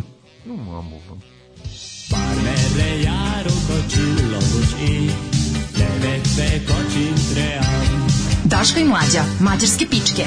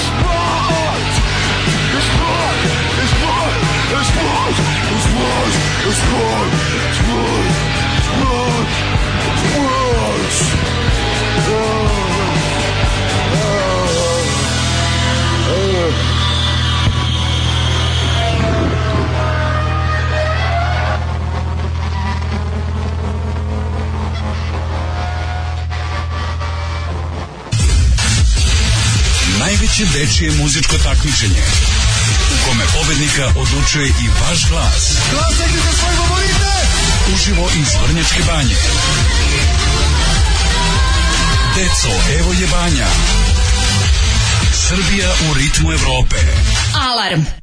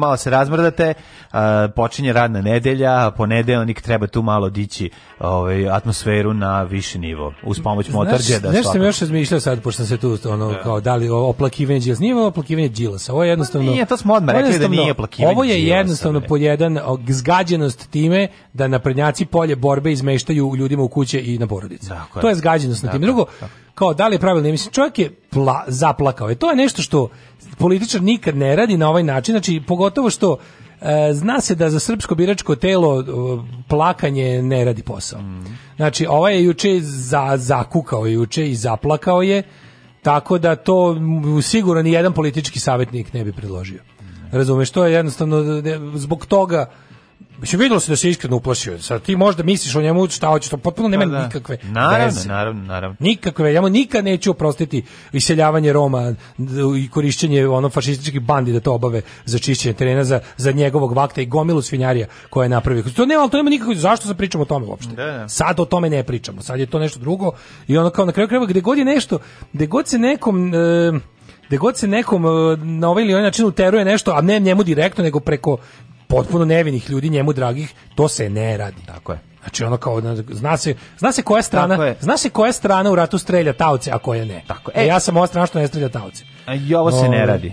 Ovako, bračni par otvore restoran za jednog gosta. Izvini, ja sam i bez zice. Pa, pa ćemo dalje, dobro. Da ovaj da Kaže, daš kažeš kroz novi iPhone SE, izašao mlađi novi, imam novi cilj u životu, imam novu svrhu života, novo stremljenje. Izašao je novi SE. SE novi, znaš kako je lep. Kakav je. Pa ono što su mislili da neće, u, u, u, Mike, ovaj, Apple ga tako nešto skromno najavio bez promocije, bez ičega, samo rekli 20. aprila puštamo iPhone SE 2, the second generation, mm -hmm. sa, ne znam, najboljom kamerom na sve, sve super, isto kompaktan, mali. El biće, mali ovakav? Biće malo veće od da ovoga, ne može da stane to sve, ali u principu ostaje ovaj... Ostaje to kućište. Može santimetar veće. Znači, ma, mači, biće ovako. mačište će malo promeniti. Biće po santimetar veće svake strane. Znači, neće biti, neće imati ni cigla uh, iPhone. A ne mogu da stave ove sve nove stvari koje hoće da stave, njega tu kameru, tu šta? ovo, ne može da stave. Nož, vadiče, šta će da stave? A, biće švajcarski, da. Tako da imam novi, novi, novi cilj u životu da kupim Ko, koja mu je cijena? Koja mu je e, cijena? 400 dolara novi.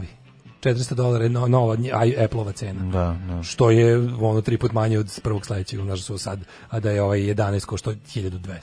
Ne, to su 400 dolara je dobra cena. Pa mislim i biće valjda manje. Joj, kamera je najbolja. Ono što mene mami kod toga je ono Ima kamera od 11. Jo, Znaš kako je. Jo, evo ga, ovaj, daš. Tako da to je novo, novo čemu treba novo. Molim vas, ovaj patreon.com kroz Daška mlađi. Da, dajte da kupi kaže, Daško taj telefon. Pa ti A da, da ja kupim Daško stari. Volećeš da vidiš koliko su ljudi ovaj srećni zbog motorđe. Da kaže, evo šutiram nameštaj. Bravo. Mlađi na playlista, nedostajali ste nam odli, vratio se mlađa sa rukom, Tako. dobra playlista. znam da ne volite sport, ali ne morate da vam trigirujete PTSP. Da, pre toga smo slušali Viagra ovaj Boys mm -hmm. i Sports, mm -hmm. pa šta uradi pjesma, krećem u nove pobede, evo samo kafu da srknem. pa kažem. Preporuka za What We Do in the Shadows, odlične serije, ja kačem od smeha na momente. Najbolji, znači najsmešniji fazon ikada je energetski vampir. Znači to je... Meni to je ugovor, drevni ugovor Vukodlaka i vampir iz 93. Ne, to, to mi je toliko smešno smešno. Znači, taj lik je toliko smešan, svi su genijalni. Ne? Berry, koga obožavam. Kaže, kako plakanje i ne radi Vučić je plako. Vučić nikad nije plakao. Vučić, znači, ovako kako je juče Đilas zaplakao zapravo, da Znači ovaj zaplakao Vučić, ima one kao lažne mokre oči to njegovo kao ne. ali ovaj je zaplakao, videlo se da je zaplakao. Mislim mislim to da da ulazimo uopšte ja, u, u, u da kvali, da kvalitativnu analizu da, plakanja, da u ali onaj onaj ono ono je bilo ono je bilo pucanje juče. Tako je. Ono je jest, bilo pucanje. Jeste, jeste. Ako su hteli da ako bizi, ako su oni hteli da ga narodu prikažu kao ne znam nekakog no, nestabilnog, ne znam šta su radili. Nisu dobro radili. Ne znam da li su do, ne ne znam kako ono glasač. Zato ti kaže meni nije jasno. Reaguje, ne meni znam, stvarno. Nije jasno šta je savetnik vlasnik SNS trenutno, jel ove stvari koje oni rade su kontraproduktivne. Ono je bilo juče pucanje, znači, juče Đilas i juče da. se slomio. Tako je. I to je, on, to je jednostavno tako i tako je. Ove, ovaj, kaže, Vučić se cedi, on ne plače. Mm. Ove, ovaj, pa onda ovako, reci brate da novi iPhone S je fizički kao iPhone 8, aha, aha. Ove, ovaj, e, pa kaže Ne znam, ja imam iPhone dvojku. Pa kao, da. kako se razlikuje od iPhone 2, to mi reci. Da. Sad ako se neko ne, nadi da po, ne, ne, ne javi da ponudi Dašku novi SS za džabe, kao bajsi MacBook, odgrišću, odgrišću sam sebi penis. A, ako se javi neko. Ako se javi, da javit će se, ali mora da, da pod nekim zavisi. uslovima. Sve mora imati neke uslove. Recimo da mora da ga gurne u dupe. Da. A ja da ga zovem ceo dan. Ne, na vibro. Ne znaš da ja ne. Pa znam da nije problem. Ove, ovaj, izvoli, odvedi Onda bi volao da je manji. Odvedi me u mali restoran. bi da je manji. Odvedi me u mali restoran s dobrom Slušaj kako on nervira. Izvidi, ja pa nisam pročitao. Me samo nervira naslov. Naravno. Nervira me naslov zato što, zato što toliki hips, hipster luk ovde prisut. Mislim, ja moram jedno sad da kažem, restoran sam samo jednog gosta je bila ovaj, kuhinja moje babe, kada bi ja otišao samo kod nje svaki put, tako da to kuhinja nije tvoje no... babe kada brat posto dovoljno velik da može da kupi sebi pljeskavicu, ti dalje možeš da jedeš to. Bračni par iz Švedske otvoriće će jedinstveni restoran u kome će uslužiti samo jednog gosta dnevno. Ime restorana 100 za jednu osobu, sam govori o konceptu restorana. Čekaj, restoran koji će biti, da, sto za jednog otvoren. Vučićev restoran sto za jednog. Izgleda, moramo praviti, imamo ko je, ko zapravo stoji iza otvaranja. Moramo mm -hmm. vidjeti ko je, ko je ovaj- ovo, ovo jeste koncept bar. Mislim, zbog koncepta godine. Very bad concept bar. Da, da, da. Lousy concept bar. U Vermlandu oko 350 km od Stokholma. E sad, da li to je severno od Stokholma, da li, da li da prema jugu? Restoran koji će se sastojati od jednog stola i stolice nalaziće se usred livade i pružat će gostu mogućnost da jede u potpunoj diskreciji. Dakle, maca će biti tu. Rasmus Persson i Linda Carlson kažu, znači ovo je e, duo persson carlson će ove, na taj način biti mogućnosti da se u potpunosti posvete gostu kao i posmatračima kao i da posmatračima neće biti dozvoljen pristup. Dakle, nema rašomonstva, sirotnija da gleda kako drugi jede skupo. A to će biti, bre, ono, fine dining, to će biti ono, znaš šta? Daj fining. Jesi video to kao što sad imam? Jel pratiš tu kao fine on dining on scenu ne, Novosadskoj i Beogradskoj? Kako mi to ne. Oni, kao, oni polulegalni restorani da, po Da, da. Kao. Ovde imamo kao mesto u kome pa kao, niko samo ne se najavite, ovo, da, da, kao da. morate da se napred najavite, danas mm. pravimo morate se najaviti i morate sami da donesete.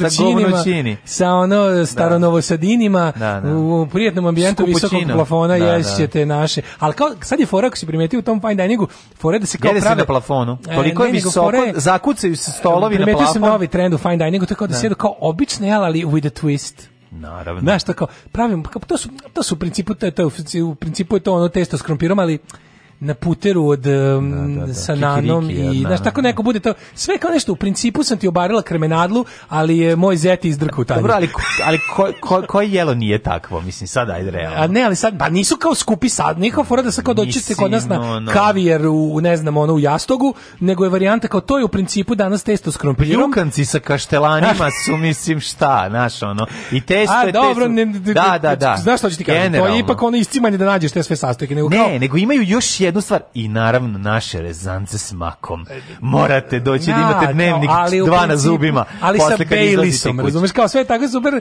sve je to da. obično, ali with a twist. Da, da, da, imaće, imaće. Da, I kao, da. i za, kao, a za, kao, da. u, služimo i našu... Sokodzove, Sokodzove s nanom. sa aperolom, znaš kao. Da, da, da, da, da. Tako, wow, ovako se pilo na ono. Da, da. Pelson i Carlson su došli na ideju o otvaranju restorana za jednu osobu pre nekoliko nedelja kad se u njihovom domu pojavili roditelji koji su rizična grupa tokom pandemije virusa, Aha. rizična grupa Ćala i Keva, tada su odlučili da im omogući da umesto u kući o, održavaju socijalnu distancu u bašti. Ne, stvari šta su šveđani ovi, da. ovi Carlson i Perelson šta su radili? Oni su u stvari napravili Cvikić i napravili su da ove naš oni izbori, oni, izmislili oni, bajkovo, eh? oni dve oni šilje što igraju hokej. Da, da, da, da. Pa tako se zove ono. I onda ovaj e, su napravili u stvari varijantu da šveđani koji nisu osjetili strogu ruku vlade u krizi da im se omogući da se osete kao ostatak sveta. Da. Razumeš, oni nisu imali zatvaranje ničega. Nisu imali te, ono, ni, oni su, u Švedskoj nije bilo mera.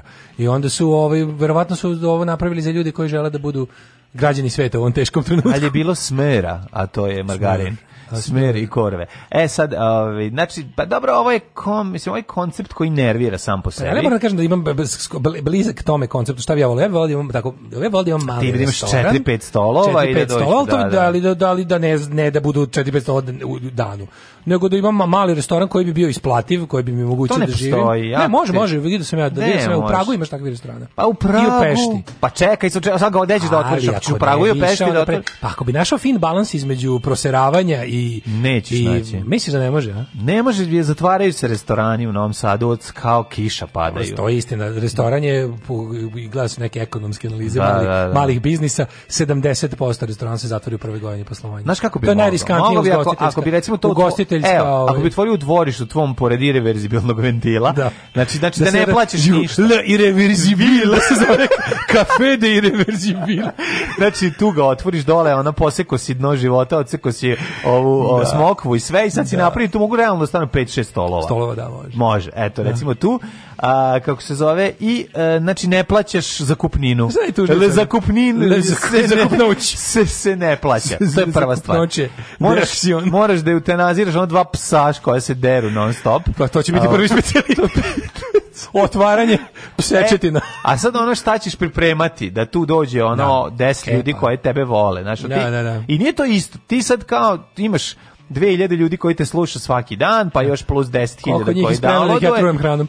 Ma pa doći će tu ljudi kod tebe, znaš. A misliš što da se šlepam na tu kao na tu pa, radijsku slavu? Pa na to ćeš, da a nego na čega ćeš da slepaš na pa svoj kulinarski umeća. Pa, hvala Bogu. Da, ajde, nemoj me zajebavati. Imam ja još kvaliteta. Imaš ti moj sutra. Ono. Pošalji mi broj da ti pošaljem na da, Viber. Da, da, ne, mislim to, znaš, ono, te kvalitete, super, ali možeš samo jednom da ih spremiš. Da, da, istina. I to je onda problem, šta ćeš da, sutra? Da, da, da, da, da. Ima ono kuvati srcem, imaš kuvati kurcem. to je to. Ili da se zove kuhinja mešati, preko kurca. Mešati. Pa to, da. Moja A si ona napravio preko kurca. Jesam, ja zašto? Pa zato što se zove kuhinja preko kuhinj, kurca. Dođite u kuhinju da vidite proces spremanja. tu su još i moja dva asistenta. Čirana od I Đurica, golema Šurica. Hoćemo da. jet A, pa mislim da bi mogli. Kaže, ajde, malo ti je ovo šahovski klub za jednog. Ma jeste, malo je tužno. Ne, ali znaš šta je najtužniji moment? Što sam ja to sve, kad sam to kao zamišljao, to kao tipa mm -hmm. ili mhm. moja neka jako dobra pizzerija bez proseravanja mm -hmm. ili mhm. restoran koji će nešto da bude ide bez ono kao tipa onaj tabla meni pa šta no, ti hoćeš ti hoćeš da napraviš kao ali... basista iz Turbo Negra. Da ima kao e. pizzerija pa njegova ona ne, nije to. Je, da. njegov, da? ba, ne basista iz Turbo. Nije njegova. Ko? Misliš Pamparius? Da, da, da. Ne, on da, je da. radio, on je radio. A radio, pa radio pa malo i tipa. Ne, to je to je to je to je bilo nam sad izvala se pizza Miracolo, a sad je to zapravo cila. Cito, da, taj fazon, da, da, to je da, da. cila. Ne, nego sam, ne, nego sam ti da kažem, ja sam to sve kao kad sam zamišljao prvi put to pre 10-15 godina, bilo kao, ah, to ću negde oko 40. rođendana. Sad sam ga već premestio za 50. jer smatram da je 40. da sam još uvijek jako mlad. Pa mlad si bre, pa ono. Mislim, mladi zelen si što se tiče kulinarstva, ja bi pa, za to napravio. Ali kažem, dolazili bi ljudi na tvoje sranja. Zato te, pa vole te ljudi, pa će doći. Znači, sa žaljenja. Volili bi me jednom, ako bude stvarno sranje, bilo bi, dobro, ne volim te baš toliko. Šta je sa popularnom kantom u Novom Sadu? Šta je kanta? Pa kanta je bila ono kuhinja, zvala se kanta. Dođeš pa jedeš, ima pasulj, ima ne znam šta. Isto tako svedeno sve. Ne, ne, da, da, bilo. Ne znam da li i dalje postoji, da li radi restoran. Ako ima neke veze sa recycle binom. Mm, ne znam, mislim da Zato, da nema. ali... onda namerno ne znam. Da, ne znam. onda tendencijozno i namerno ne znam. Hoćemo u jet set? Uh, hoćemo.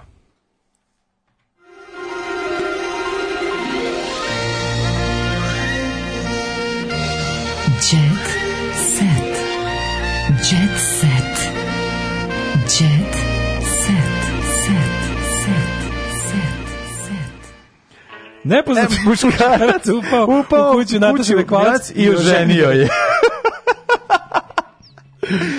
A možda je hipster bre neki koji razume nju. Kome ona, znaš, otišao je na, mislim. Čekaj, ona ima imanje? Jel to to se znalo više manje, mada o tom ne da, priča ni za To je ono što su oni nešto, gde je to, gde se nalazi, taj neki salaš. Mm. Da, ovde se dogodio incident, salaš Nataše Bekvalac nadomak Novog Sada.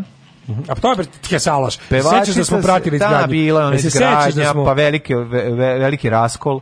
Pevačica, kad je ona postala, ona je zapravo u tom tim trenucima postala ova feministička gledaj ikona. Gle koliko je neizvesno šta je na crtežu koji djece treba da spoje. Oj, oj. Gotovo sam te. Zato sise. Šta je to? Drama na salašu. Nepoznati muškarci, da ajde, Nataša Bikovac doživjela neprijatnost u čeku 11 sati kada je na njen salaš učenaju upoznao ne, upo nepoznati muškarac Pevačica koja u kući živi sa ćerkom, da, da, bez... Aha. Znači, bez A ti imaš isto da čekaj, nisam Čekaj, da, da. Kako je kod mene to? Kod mene je... A došao da donese darove, neki A bre, stoker neki. Stoker, da, da, da. da, da. Izbacila ga je napolje i potom pozvala policiju. Brote, kakva kuća. U toko je istraga on događaju. Tek sad vidimo ovo dronovski snimak. Da, da ovo je američka kuća, čoveče. A dobro ima ovu malu pored, koja nije daleko, a nije ni lepa. Pa ne, od ovo daleko, to je graža, bre. Nije ne, ne, To A gde ovo? garaže Mihajlović. U Čeneju.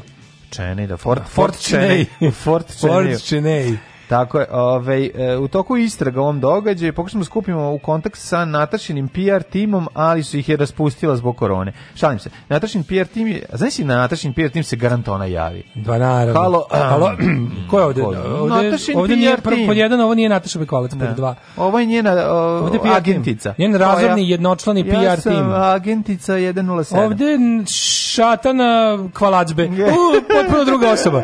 E, potpuno druga, različita da. osoba od Nataše Bekolac čekajte da je probudimo. Ne može sad trenutno da se javi. Ona ustaje u jedan da voli taj bur Papaju, da, sačekajte.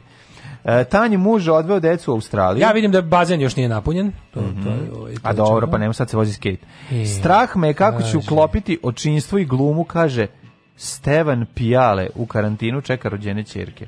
Ko je Stefan Pijale? E, koliko ne znaš, što, ne znaš malo Pijale taj. Mm -hmm. Nego Mirko Vasiljević. Mm. I e, Mirko Vasiljević gradila Sise. Nisam mm, to Sad je Mir, Mirka Sisiljević. Da. Kaže, cijela porodica živi od vojadina, moramo da mu ugađamo. To! Pa, to je velika istina. Dobro nam došli mužu naš. Ne, kako ide to? Ja, živi ona mužu, dragi gospodaru familije, dok sa tobom srce bije. Škola za dresuru curva Nermina Curbrigena. E, pogledajte, pogledajte. Cijela porodica živi od da moramo da mu ugađamo. Pa i tako i treba. Kakav, ono, život je ugađanje. Na, da, na, da, dobro, no, kako si boga mi se ugađala njemu on četiri kovada napravio. U, da, da, do. Da da, da, da, da, tako da, selo je tu da vas podsjeti na slobodu, kaže Andrija Milošević. S druge strane, Katarina Živković trenira u šumi. Daško Katarina Živković u šumi. Ona je vaspitan tako da podrži svog muža. To... A Vesna Zmijanac kaže, na Bukulji nije idilično. Nije, a? Što? Ne, pa ne, pa mi izgleda da došlo de, a odsustvo ljudi je dojelo do toga da su se na Bukulji pojavili četnici. Da. Vesna Zmijanac ima ogromnu kuću na Bukulji, gde uglavnom provodi dane izolacije. Da li je to napravio Željko Rstić? Pa nije, to je ono, Rstić je nešto drugo napravio. Pevačica tvrdi da ima mnogo posla oko imanja, uglavnom sam preko cijele ja bih volao da idem da vidim Vesna Zmijanac kako rezuje smokvu. O, pa to dođe kod mene da oreže smokvu. Pa, znači, da. čak i da platim. Ogromna je to kuća, tako da oko nje ima posla. E to je to kad se zezne, što sam te da kažem. Znaš kad si kad zarađuješ jako puno para kao zvezda, ozbiljna, i onda ne možeš da se zaustaviš, pa onda daj još pet soba, pa daj još 14 predsoblja, pa daj ono, pa onda sve to treba oprati. A posluge ne, a posluge, a posluge nema, ne? nema, ne. To je malo zeznuto, znaš, ono, ja zato razumem probleme recimo mla vre, sada ove ovaj, sredovečne Dragane Mirković kad treba ono treba se sagnuti očistiti 16. 16. Pečirk svog dvorca. Pa da, svog dvorca. Znaš koliko to zezno to bre e, opet. E, mladine, Samo imam... očistiti prašinu sa tog Problema kom se premalo govori. Vreme je da progovorimo o ovom problemu. Vratno u DM-u kupuje DM Dragana Mirković Maramice pogledao za čišćenje prašine. Pogledao sam uh, uh, fotoreportažu Blica o glumcu Ivanu Mihajloviću Imam da kažem sledeće. Ko je Ivan Mihajlović? Nije ni bitno ko je Ivan Mihajlović. Hoću da, hoću da njega iskoristim kao primer, kao just another u nizu. Glumci koji su sa svojim suprugama otišli iz grada na selo. To mora stati. To mora stati. Zašto? To mora prestati, ne mogu više. Ne mogu više gledam kako ovaj e, znači to, to mi je jednako jednako me nervira kao ono što što ono kao otišli smo na selo imamo ono lika koji nam održava tamo sve što imamo, ja ono u kući drndam sa oni i pravi sam seoski život vodim. Znači ne mogu više glumce beogradske koji su otišli na selo i pričaju kako je to spas. Dobro, nisu svi. Moram ko, da ti ko nije? Čekaj. Pa bilo je oni koji su bežali, koji su ono sa heroinske dijete su, su se skidali takozvanim seoskim turizma. Oh, how, how, did that work out for them? Pa nije dobro, ali neki način neki su i dobro prošli. Mm -hmm. Pa setimo se samo da je... Neki su samo prošli. Setimo se samo u Žikini dinastije 2 kada po savetu lekara e, Miša da ne bi toliko taslačio odlazi na selo da, da no, se... prvi sex addiction u domaćoj Pa to ti kažem, tako da ljudi na selo su odlazili no, ranije. Pište, to je e sad, da ti kažem da ovo sada svaku u jednom trenutku života, pa obrati pa, pa, pa, pa, to nisu mladi raskalašti, to su Ovi ljudi su mladi, ne, ne, ne, ne, ne, ne, ne, ne, Glumac Ivan Mihajlović zamenio je grad za selo. Društvo mu pravi partnerka Maja sa kojom se bavi poljoprivrednim poslom, pa su zasadili krastava stikvić za satu. Nisi zasadio, platio si loka, platio si čikažiki koji živi pored da to uradi, nemoj da lažeš. Znači, ono igraš, ono dolazite društvo na roštilj, vikendom da. i cepate soni i duvate i zajebavate nije se. Nije samo tako. A, da nije. nije samo tako. Nije, idu po selu traže Wi-Fi. Dobro i toga ima. to, to je jedna stvar. Samo moja skromna kuća. Ono. Da, nije baš tako. Mislim, bolje da on kako bi rekao, igra Sony i da se igra s Majom, nego da mu čika žika dok on sadi paradajz po, A ja bi volao da tako. Ti znaš da ja volim te klasne, klasne rat preko kreveta. Pa ja znam da Uvijek da mi je to, to najdraže bilo. Ali nije to, i nisu svi tako. To je, taj broj tih ljudi koji su otišli na može da se nabroji ovaj, na prste jedne ruke majstora pilane. Tri glumca su otišla. Ko je brate, otišao? Mili, koliko Ko je otišao? U, ima Jezdić, pokojni Pervić, Četković. Pervić ti je pro loš primer. Pervić je stvarno bio komuna. Pa komuna. naravno. Pa dobro. To je drugo nešto, nego ti kažem ovi Jezdić, ovi Nikola Kojo, dobro, Nikola Kojo toliko otišao se ovde produžio za Sloveniju. Nije Nikola Kojo, ali što selo Nikola Kojo samo napravio kuć. Pa nije. Da, ne, tamo živio pre što otišao. Ne, ne, ocelio se on bio, ali onda on napustio zemlju altogether. Ha, pa, da, no, ja preselio sam. Da, da, da. Onda imaš ove, te, ovi, kako se zovu, um, isto ovaj bre, kako se zove, multipla pa onda ovaj svi bre ti poznati brač ti i tako ti viđeni za za, za RTS-ovu seriju u nedelju uveče su sad na selu. Pa da su žrtve. Četko Zvojin Četković i Slobodan Mićalović na selu. Da. Pa onda Kažete, ima bre to je pet, sada. To je to je to je pet parova, nema ni nema pa, dalje. dobro, mala zemlja jebi ga, nema sad ni mi da, puno ono. Da. Nemamo sad ni mi puno glumaca, al govorite za ove neke glumce za koje znamo da su sigurno jeli ono mazali deblje od svoje glume. Ma nisu, o tome se radi. Ako nisu. Sve što mi mislimo. A Vojin Četković dobro živi od glume.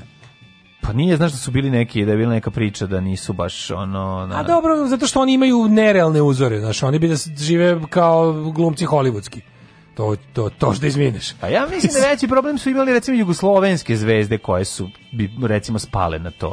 Ali ja razumem da u nekim godinama čovjek jednostavno mu možda mu je dosta ljudi, možda možda možda hoće se razgaći.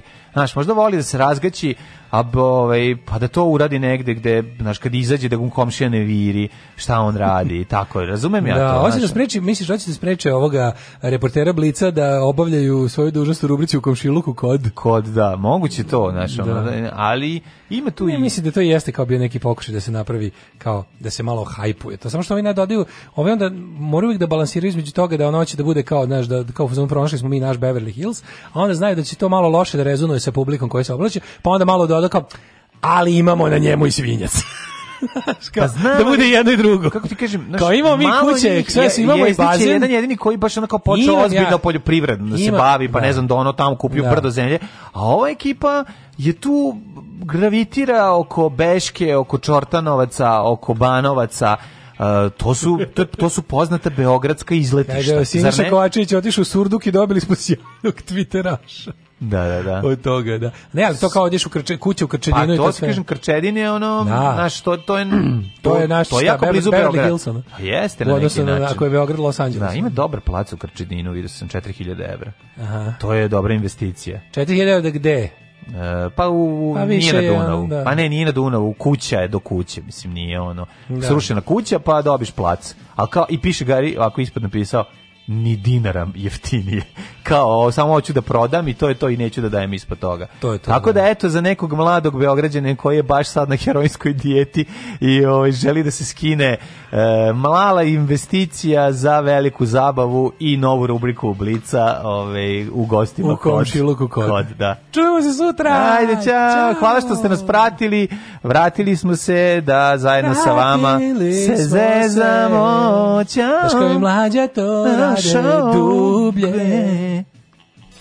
Oh, Tekst čitali Mladin Urdarević mm, i Daško Milinović.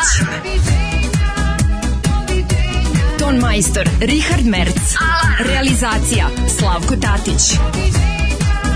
Urednik programa za mlade Donka Špiček. Alarms svakog radnog jutra od 7 do 10. Oh, you touch my la la